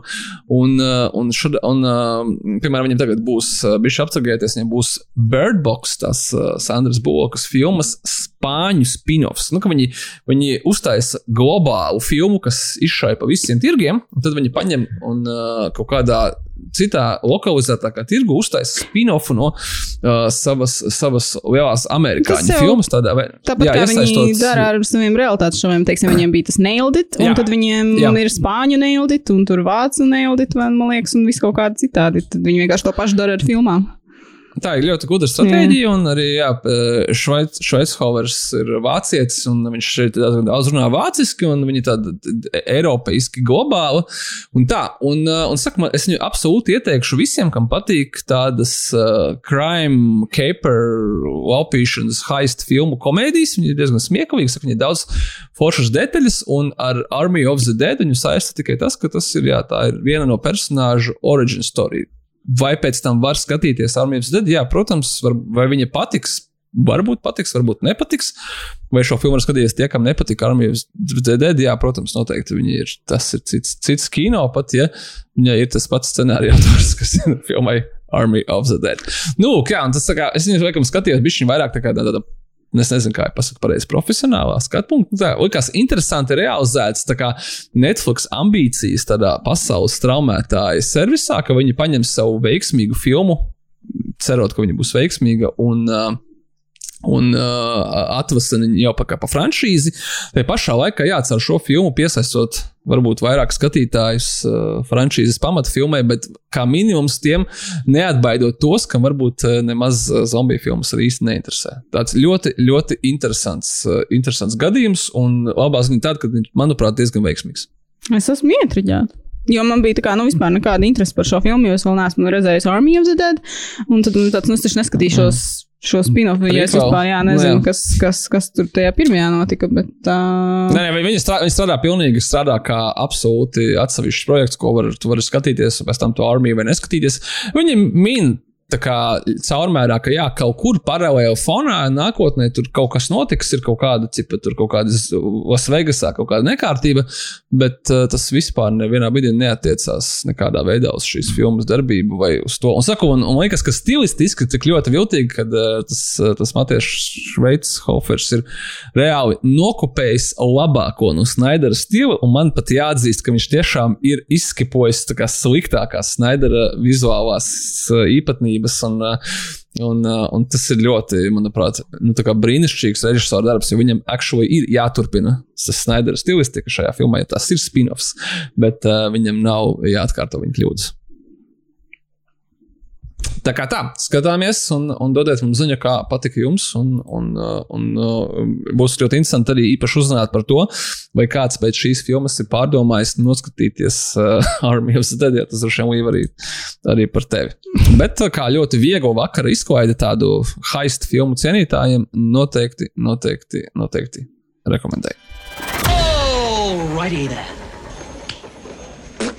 Tā tad uh, tas arī viss. Paldies jums, kad tikāt līdz šai vietai mūsu īpašajā bezmusātava Halloween podkāstā.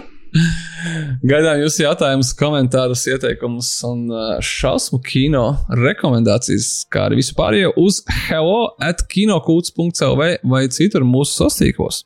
Atgādināsim, ja jums patīk šis podkāsts un jūs gribētu atbalstīt kino kulta projektu un visas viņa lietas, tad A pastāstiet par podkāstu saviem draugiem, B. Uzrakstiet mums recenziju vai ielieciet atzīmi Apple podkāsts, Spotify vai kaut kur citur, kur nu jūs klausāties šo podkāstu. Nu, un arī atbalstiet podkāstu mūsu pašus mūsu Patreonā. Patreon.com slash kinokuls. Tur arī atradīsiet visu pārējo. Šī podkāstu direktora skatu jūs dzirdēsiet pateicoties Tomam Cielēnam un iedosim viņam vienu vārdu, kā parasti, šajā, arī šajā Halloween epizodē. Zoinks! Un līdz ar to no Kino kulta komandas paldies par uzmanību un līdz nākamajai reizei.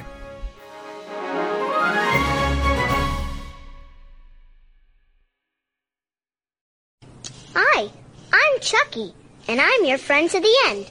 Heidi ho!